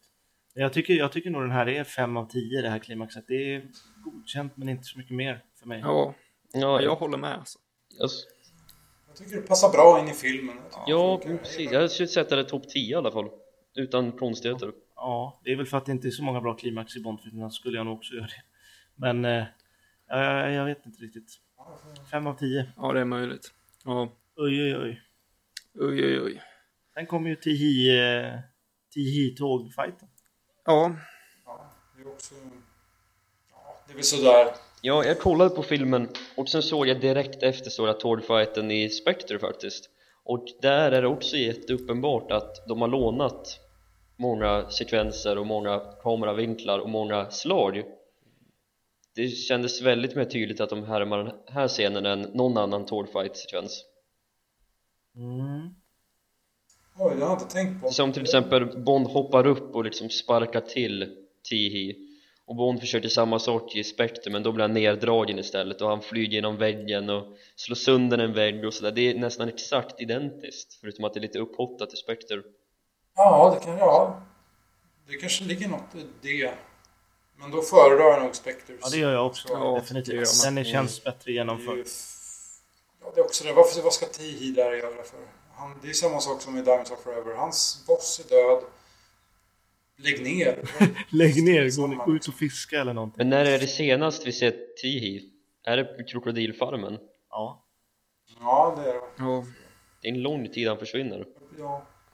Ja det är det definitivt. Han, borde ju, han borde ju bara ta heroinet och dra liksom. Ja, ja, det är ju ett, gen, eller Brände ju Bond upp. ja. det är ett genomgående tema för i The Man with the Golden Gun kom ju Nick Nack i slutet och ska döda Ja, det är ju en klassisk Bond. Klassisk Bond-trope. Ja, säga. Att henchmannen aldrig ger upp av någon anledning. Ja, och när jag började tänka på det så, fan, ja exakt. Lägg ner. Gå- och mata dina krokodiler och sitta där och ha mysigt. Det räcker väl? Ja, ja. han kan väl eh, dra sig tillbaka på krokodilfarmen. Ja. Tycker jag. ja. Det var filmen i sin helhet. Ja, det var det väl. Det var filmen. Ja. Eh, då tycker jag vi går över till musiken då. Ja.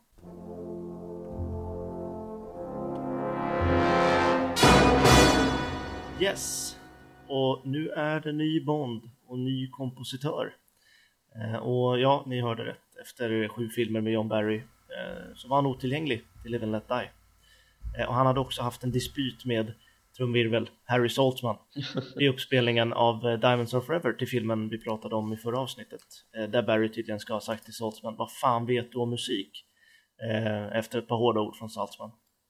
Och eh, kompositören som stod för musiken till den här filmen var istället den legendariska Beatles-producenten George Martin, eh, numera Sir George Martin.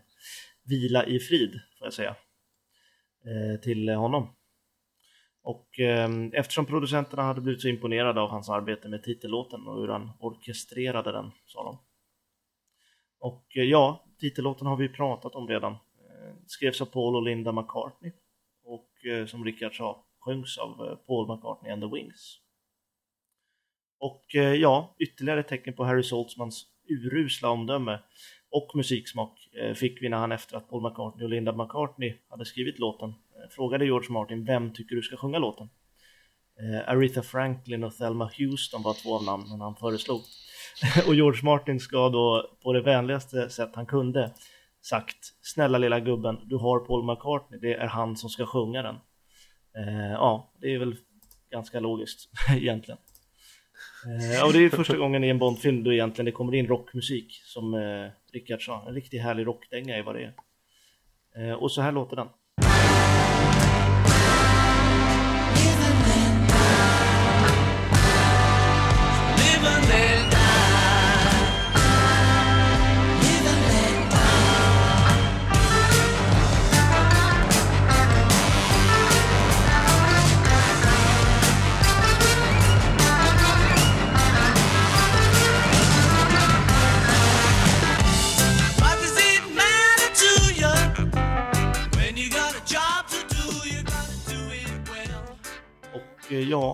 Som sagt vad jag tycker den är riktigt, riktigt bra. Jag, jag ger nog nästan en 10 av 10 låten alltså.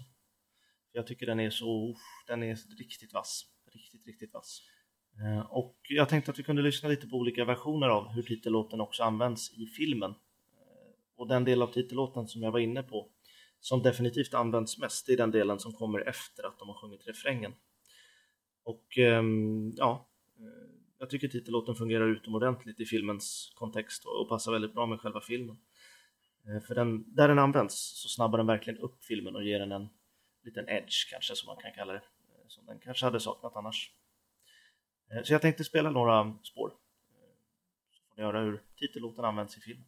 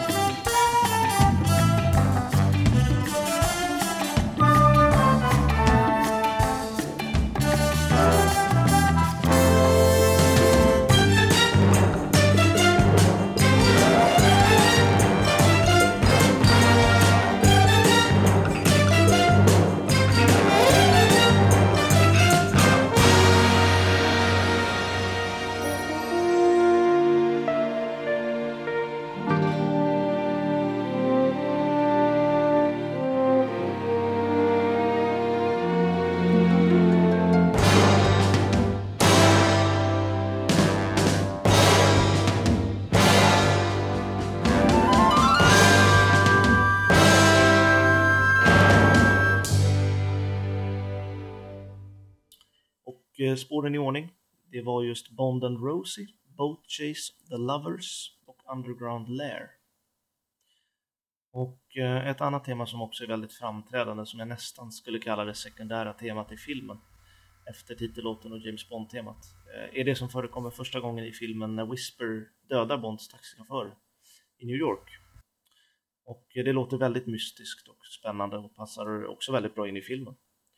Och jag tänkte även här att vi kunde lyssna på ett litet um, ja, potpurri, eh, kort och gott, av några versioner av det temat.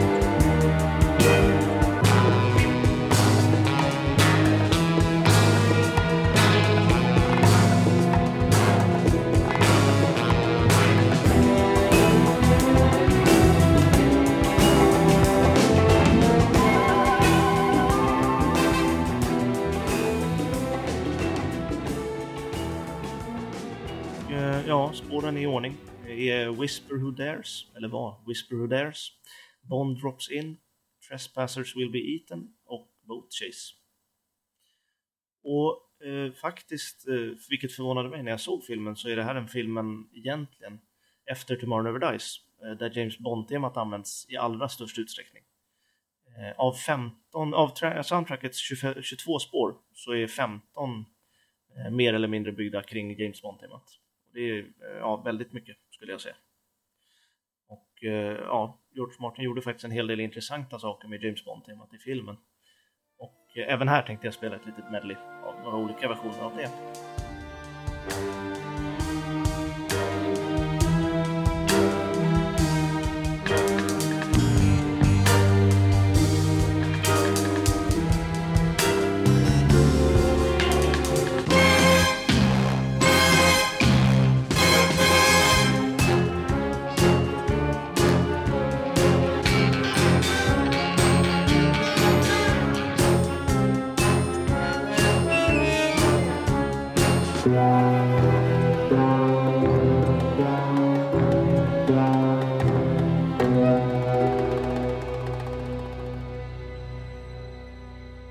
Ja, i ordning så var det Bond meets Solitaire. Och sen spåret som heter The James Bond Theme. Och också The Lovers. Och eh, eh som vanligt så tänkte jag också utse mitt favoritspår. Eh, och här är det lite klurigt eftersom det finns väldigt många godbitar egentligen, tycker jag i alla fall. Men min slutliga röst faller ändå på spåret Trespassers Will Be Eaten som spelas eh, när Bond har blivit övergiven ute på den lilla ön eh, mitt på krokodilfarmen. Och jag, jag älskar, precis som hela soundtracket, så är det här spåret väldigt, väldigt gungigt och det finns en skön groove i det som jag gillar. Eh, och speciellt gillar jag det när Bond lyckas ta sig in på fastlandet när han har hoppat på krokodilerna och Bond-temat kommer igång. Ja, jag, jag tycker det är ett grymt härligt sätt som Martin scorar, om jag får kalla det svängelstor. Eh, scorar den här scenen, han lägger musiken och skriver den. Och en sak som ja, ni säkert känner till grabbar, men också andra Bond-fans och folk överlag, att man brukar ju bunta ihop de kompositörerna som bara skrev musik till en Bond-film. Eh, Bill Conti och Michael Kamen och Erik Serra. Eh, och ja, av alla dem så tycker jag George Martin är min absoluta favorit. Eh, jag, jag tycker verkligen han lyckas få till ett eget sound, men också ett riktigt skönt sound, ett skönt gung som jag pratade om. Eh, och titellåten är också en av de absolut bästa i serien. Men eh, viss musik kan kännas lite utdaterad, precis som filmen själv då. Eh, men ser man filmen tillsammans med musiken så fungerar det utomordentligt, det, det tycker jag verkligen. Och eh, som sagt var, han gör många spännande versioner av Bond-temat och väver in titellåten på ett väldigt fint sätt. Och eh, ja, det enda som jag kan anmärka på, som jag också sa var en fördel för Martin, det är ju att han gjort en film och då verkligen bara kommit in och gjort sin egen grej. Och ja, följaktligen saknat då det där extra bondiga som Barry nästan till alltid fick till då. Eftersom han skapade soundet. Och David Arnold också i mångt och mycket faktiskt lyckats anamma under sina filmer med Brosnan och Craig. Så att det, det är väl det enda negativa jag har att, att säga och att musiken känns lite utdaterad. Men betyget, betyget är en stark sjua av 10. Jag tycker det är ett väldigt gediget arbete från både ja, Martin och McCartney. Mm. Punkt slut. Signing out. Jag måste säga att jag också gillar det här eh, soundtracket väldigt, väldigt mycket. Mm. Eh, det är ett av de få som jag verkligen kan sitta och lyssna på på vägen till, eh, eh, ja, på tunnelbanan eller vad som helst man bara ute och går på stan. Det är, det är en ljudbild som jag gillar på det här sättet. Eh, som du sa så är det lite daterat eh, och jag tänkte lite, det är, ju- det är ju lite så här soul, funk, eh, eh, vad var det mer jag tänkte på? Eh, blues som har vävts in i, i, det här, i det här soundtracket. Eh, sen en grej jag också tänkte på, det var han använder väl en wow-pedal, gör han inte det?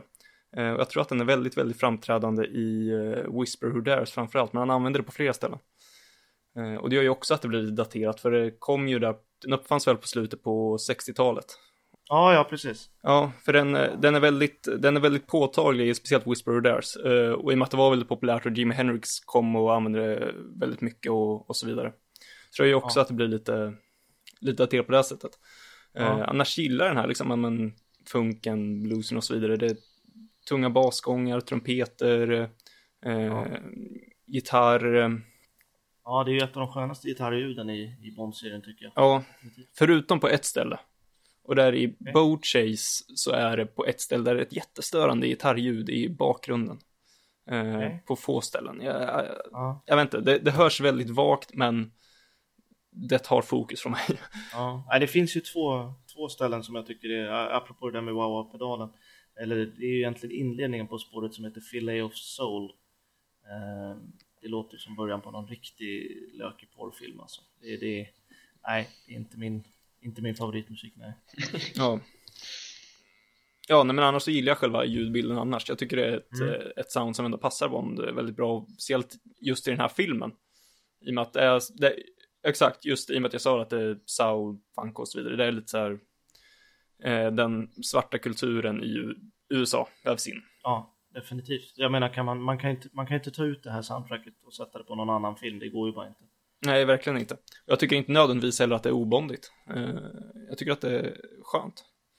Mm. Eh, så ja, det här blir väl också... Jag skulle nog till och med gå ett högre och sätta en åtta på det.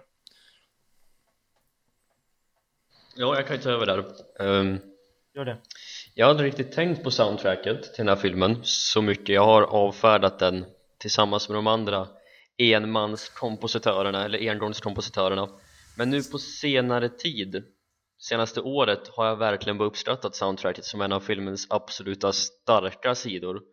Och det är just hur George Martin väver in både det orkestrala och just det lite mer moderna ljudet som var på 70-talet och det finns några väldigt härliga bitar i soundtracket som väldigt bra kompletterar scenerna de är med i men som ändå går utmärkt bra att lyssna på de två senaste dagarna nu bara har jag lyssnat på Live and Let Die soundtracket på bussen på väg till jobbet, på väg hem från jobbet och många spår har blivit snabbt favoriter för jag måste erkänna att jag har inte lyssnat på soundtracket så jättemycket på egen hand tidigare men nu har jag tagit ut några riktigt bra bitar och just eh, Trespassers Will Beaten som du nämnde Otto är min favorit Ja.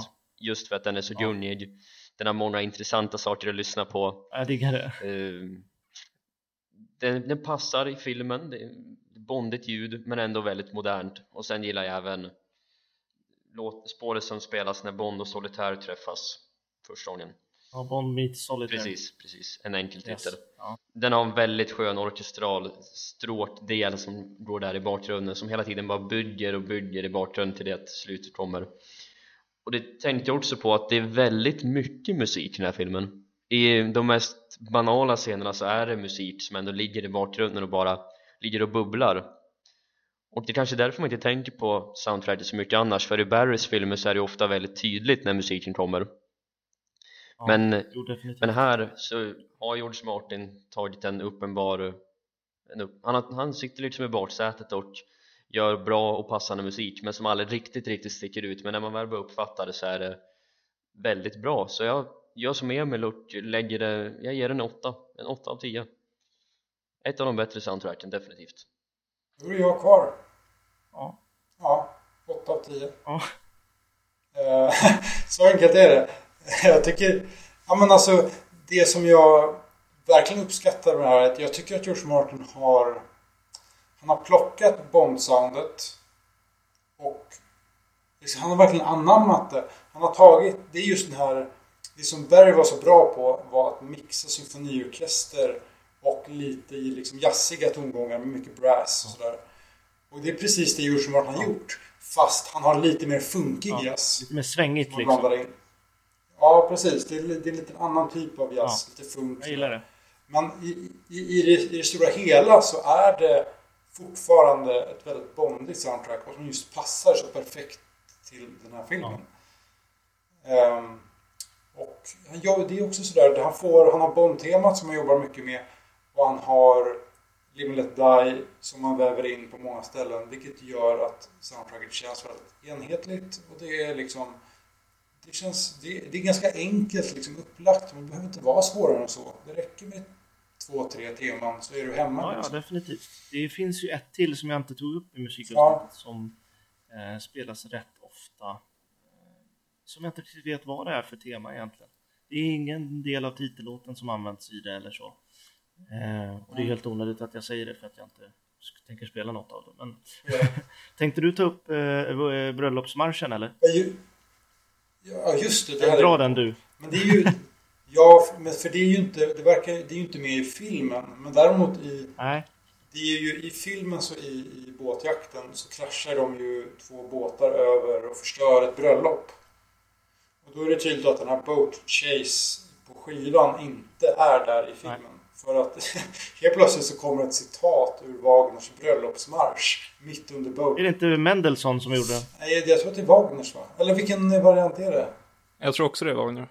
Wagner, okej. Jag tror också att det är Wagners. Jag tror att det är Wagners. Ja. Ibland blandar jag ihop dem Jag där. sökte på Wedding March eh, Mendelssohn, men det kanske var Wagner.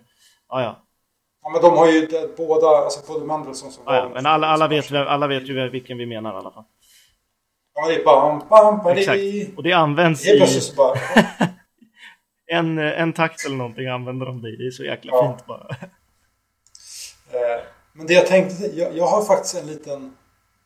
Eh, ett litet annat eh, favoritspår. Ett som, eh, som lever egentligen på... Det är Bond to New York. Eh, och det är ungefär 45 sekunder in, tror jag ungefär, så kommer en... Det är så jävla groove som bara är med i filmen i typ en minut och sen kommer aldrig tillbaka. Eh, och det är så jäkla härligt. Det påminner om någonting från typ eh, The Incredibles. Den Pixar-filmen. Ehm, och det är... Jag kanske låter Anton slänga in den. Men det är jättegroovigt och härligt därför gillar jag det spelet. Eh, Ja, vi, slänger, vi slänger in det helt enkelt.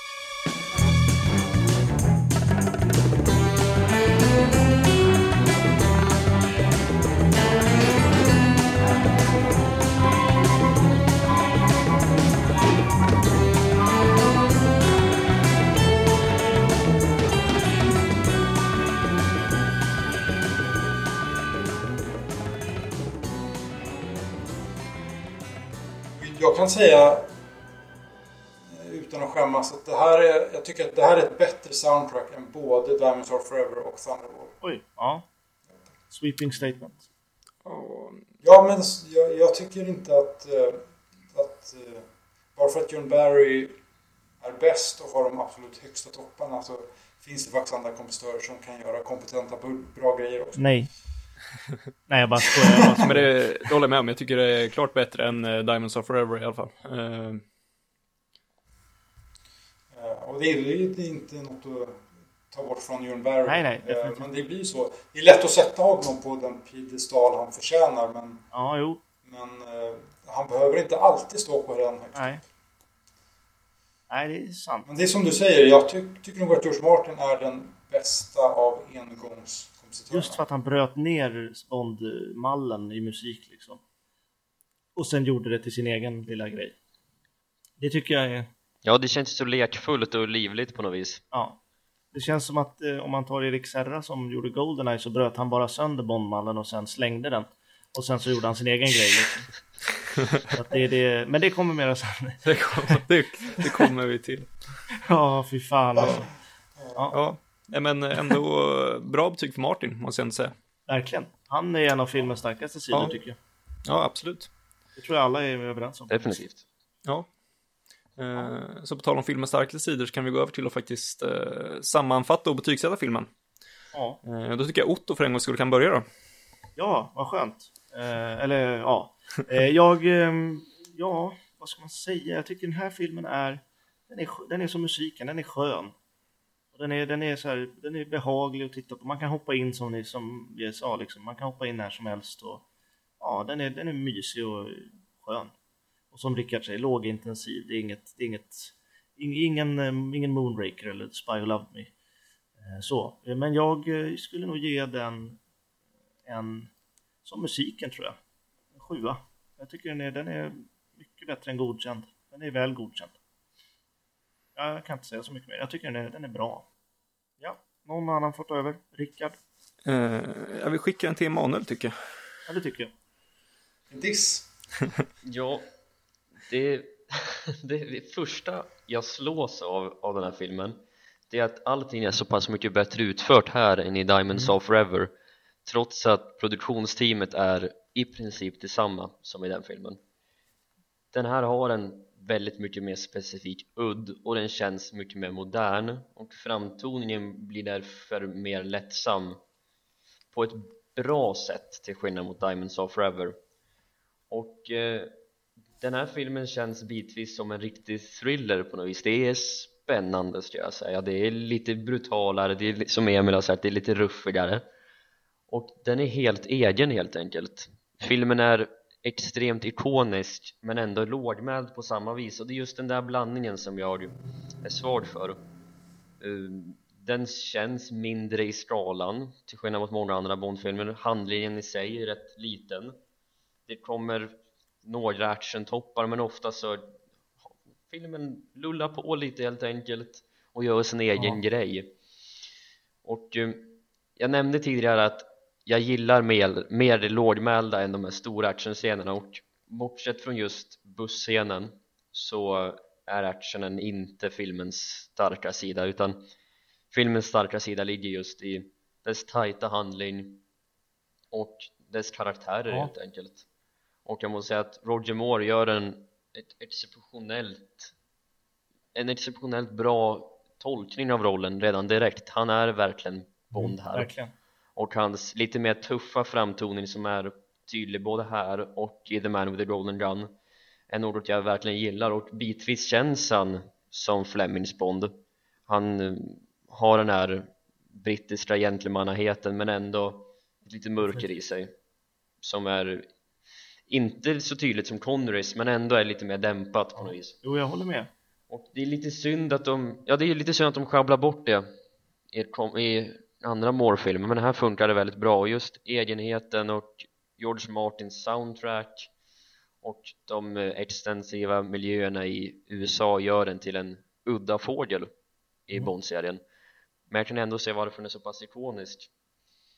Mm, så tidigare har jag alltid placerat filmen någonstans i mitten runt omkring 13-12 den har varit bra varken mer eller mindre. Men den här gången när jag såg den så blev jag förvånad hur pass mycket jag gillade den. Och pass många sekvenser och smådelar som jag verkligen, verkligen gillar. Och klimaxet som sagt riktigt bra. Så jag skulle nog jag skulle sätta nog 7,5 lägger den någonstans ligger den just någonstans just nu. Den, det finns bättre morfilmer skulle jag tro. Jag vågar inte säga så mycket på förhand men just nu så är den eh, svårslagen. den, bra mycket större hopp upp i kvalitet från Diamonds of Forever än vad man kanske hade hoppats på på förhand Eh, Rickard? Det är jag. Um, Live and Let Die är en film som ehm, för mig har pendlat väldigt mycket till och från. Ehm, liksom nerifrån någon sorts godkänt känsla upp till höjder som var orealistiska. Ja. Ehm, och nu den landar lite snällt tillbaka på en 8 av 10 för mig. Oj. För att den, som jag säger ofta och som eh, andra också har sagt, det är ingen perfekt film. Eh, men det är på något sätt så här jag vill ha mina Bondfilmer. Eh, det är lite lågmält. Det är ganska jordnära. Med lite exotiska inslag och lite fantastiska element. I den här ganska många fantastiska element förvisso. Eh, och bara fullproppat med eh, underhållning. Eh, och den vinner mycket på ehm, att det finns mycket underhållande karaktärer. Emil, inte alla. Eh, men, ehm, men ändå ehm, just den, den lågmälda actionen och det man får inte glömma bort är att det här är ingen typisk Moore-film. Alltså även om han är lite sådär ögonbryn, lite skojiga repliker så är det i grund och botten inte en skojig film. Den är ganska lättsam och underhållande men den har väldigt mycket så här toner av lite mörker, lite brutalitet. Eh, och sen vet jag inte om de ska försöka skrämma en med de här voodoo-grejerna men det är inte en typisk Moore-film. Och därför tycker jag att Roger Moore passar väldigt, väldigt bra i den här filmen. Det är Jag vet inte om jag skulle säga att det är hans bästa prestation, men det är i den film han passar som bäst in. För att det kan bli för mycket ah, fluff eh, senare i serien när han eh, är Bond. Ja. Men på det hela taget så tycker jag det är en väldigt underhållande, bra Bondfilm. Mm, mm. 8 av 10. Ja. Ja, Jag tycker jag bara flika in det så så att jag inte glömmer för att det, det känns som jag sa tidigt i det här avsnittet att det känns som ett väldigt påkostat helgonetavsnitt på två timmar. För det är helgonet för ni som har sett det så är det ju lite så här deckar-feeling över det. Han är ute och löser mysterium. Och det är lite samma här, det är inga stora action set pieces i helgonet. Det är inte något, det är inte storslaget på något sätt utan det är, det är lågmält, det är, det är lite hemtrevligt sådär och jag tycker det, jag gillar det. Och jag tycker det, det känns som en, ja, som en väldigt påkostad helgonet, ett, ett, ett påkostat helgonetavsnitt. Alltså vi vill flytta in med en sak här bara snabbt innan Emil tar över Dels att jag skulle nog vilja korrigera mitt betyg med ett halvt poäng neråt då det inte känns helt rättvist att sätta 0,5 poängare där. Eh, Och det andra, så jag säger 7 av 10 istället. Och det andra är att Roger Moore har ändå alltid ett förvånansvärt mörker på något vis i sina Bondfilmer. Även om hans Bondfilmer är absurda i sig så är ändå Roger Moore en central del som ändå är stabil och som ändå inte förändras så jättemycket mellan Live and Let Die och A View to Kill han är som alltid konstant samma James Bond till skillnad från många andra Bond som förändras genom sina filmer Ja, jo det är sant. Ja, och jag kan ju ta vid lite där, det som Emanuel sa, för jag håller inte riktigt med om det. Eh, alltså jag ogillar, ogillar ju Roger Moore, men jag ska inte vara orättvis nu, jag tycker att Roger Moore ändå är bra i den här filmen. Eh, han gör en bra insats. Jag tycker inte han är så pass nära Flemings Bond som du tyckte, och jag tycker ändå att han har förändrats en del till det negativa i att här är det ju ändå Roger Moore som är på duken, det är inte liksom 80% en stuntman som det är i A View to a Kill. Eh, och han känns ändå fräsch och, och bra, han känns agentig. Eh, filmen då, eh, hade man eh, bett mig betygsätta den här filmen i stort sett varje år sedan tio år tillbaka så hade jag i stort sett satt samma betyg på den. Och det kan man ju tolka som att jag är väldigt säker på vad jag tycker. Eh, men så är det inte. Jag tänkte att är det någon film som jag kommer att kunna ändra betyg på under poddens gång så är det den här filmen. Eh, beroende på vad vi snackar om och sådär. Men jag tror nog inte att jag gör det. Eh, så innan jag avslöjar betyget så säger jag väl att jag tycker att det är en underhållande film. Jag gillar miljöerna. Eh, ett par få toppar som kanske är lite för få. Jag tycker eh, det finns snarare fler eh, djupa dalar än vad det finns toppar. Eh, inte allt för många bra karaktärer heller eh, som känns intressanta. Eh, planen har vi redan varit inne på tidigare, jag tyckte inte heller engagerade mig speciellt mycket. Så mitt betyg på den här filmen blir 5 av 10. Okej. Eh, det är en helt okej film. Eh, jag tycker att Roger Moore i alla fall har gjort tre filmer som är bättre. Så ja, 5 av 10. Helt okej film, underhållande, eh, men inte riktigt bland de toppfilmerna. Nej, Interesting. ja, väldigt intressant. Jag kom på en sak som vi faktiskt inte har riktigt pratat om. Solitaire. Ja. Jag kom på det nu också när du sa det. Ja. ja. Jag tycker hon är en av de bättre Bondbru- Bondbrudarna faktiskt. Jag gillar henne. Ja, eh, Hon är i alla fall på övre halvan. Hon är ju en av de bättre skådisarna som faktiskt kan skådespela av de som de har valt. Som inte bara ser bra ut men som faktiskt kan skådespela. jag tänkte på det, men jag glömde säga det i mitt omdöme, för i och med att jag tycker inte att det är speciellt många bra karaktärer. Solitaire är väl den som är ett av de få undantagen i den här filmen. Eh, den av de som jag verkligen gillar. Eh, så ja, hon är bra. Absolut. Det är bara synd att hon är så, känns så jäkla mesig. Alltså... Det, det, är, det är liksom... Uh, Jane Seymour gör rollen väldigt, väldigt bra, men hon hade inte behövt vara så kuvad som hon faktiskt är. Eh, men eh, i alla fall uh, uppe på topp 10, skulle jag nog säga. Mm. Ja, det kan jag skriva under på. mm. Jag med. Ja, samma här Yay! Ja, Eh, objektivt rätt. Ja, eh, så ja, då är vi väl klara med eh, Live and Let Die. Ja, det tycker jag nog. Eller är det något mer vi har glömt? Nej. Nej. Jäklar vad bra det blir. Grymt! Ja, det här blev väldigt bra, förutom att Anton kommer få ett helvete att klippa detta. Ja, vi kan väl slänga ut en metagrej till våra lyssnare att det har varit helvete att spela in den här podden. Ja, beklaga för, på förhand om det kommer låta ryckigt i podden. Mm. Ja.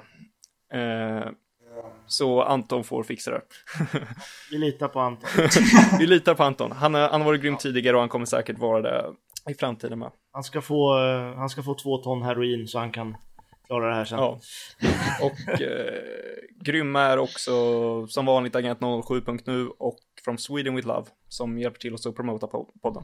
Verkligen. Då vill jag, då vill jag slänga ut ett stort tack till min eh, kollega och vän Lars som inte nog med att han eh, gör våra snygga avsnittsloggar har gav sig in på att göra vår nya snygga logga som väl eh, ni säkert har sett för den kommer väl släppas innan avsnittet släpps fast efter att vi spelar. Ja. Ja. Tack Lars! för det är jäklar vad snygga grejer det kommer. Ja, väldigt. Ja, Ja, verkligen. eh, vi har ju sagt ett par gånger under den här podden, men inte så här i slutet eh, någon gång. En uppmaning till er, ni som lyssnar att eh, eh, skriv till oss vad ni tycker om podden, någonting som vi har missat, någonting som vi gör bra, dåligt, skäll på oss, någon som har ful röst, vad som helst. De som kom, pratar konstigt. Ja, någon fråga, någonting, någonting ni tycker vi ska ta upp i podden. Eh, Det är skitkul att få höra feedback. Viktigast av allt, vad tycker ni, vad tycker ni om mig? det viktigaste. Det är ju tämligen självklart. Vill du verkligen veta det Otto? De ser ju inte mig Emanuel, så att det är lugnt. Nej, just det. det, det Vi har ju fått eh, några meddelanden och det är, ja, det är fantastiskt roligt att det, Det är jävligt kul. att det finns folk som lyssnar och folk som... Det verkar som att de, de som lyssnar faktiskt tycker att det vi gör är bra. Och det är skitkul. Och om vi gör något dåligt så säg det också. För Ja. att vi försöker hela tiden förbättra oss. Ja. Vad blir det nästa vecka då, Emil? Nästa vecka, då drar vi till Asien, tänker jag. Då blir det Bruce Lee. Ja, eh, då ska vi leta reda på nya energikällor. Ja, och sydstatsseriffer som har kommit fel. Sydstats, ja, han åker ju tyvärr med på planet. Alltså. ja, han gör ju det tyvärr. Ja, Åh, han tar två säten. en av mina kontroversiella favoriter. ja. Jaha. ja, det är ju, jag vet inte, tidigare hade jag en hatkärlek till honom, men nu är det mest, ja, jag ska inte säga hat, men, men Åh, jag orkar ja, inte. Alltså. tyvärr, tyvärr med till Asien. Ja, Ja, så vi ses väl i Scaramanga Funhouse. det gör vi. James Bond Island. Vi har fun i Scaramanga Funhouse, så uh, ha det jäkligt gött även fram tills dess. Ha det. Ha det! Ha det bra och kom ihåg att dela. Exakt. Dela, hjälp oss promota. Vi hörs. Hej då, Robban! Hej då.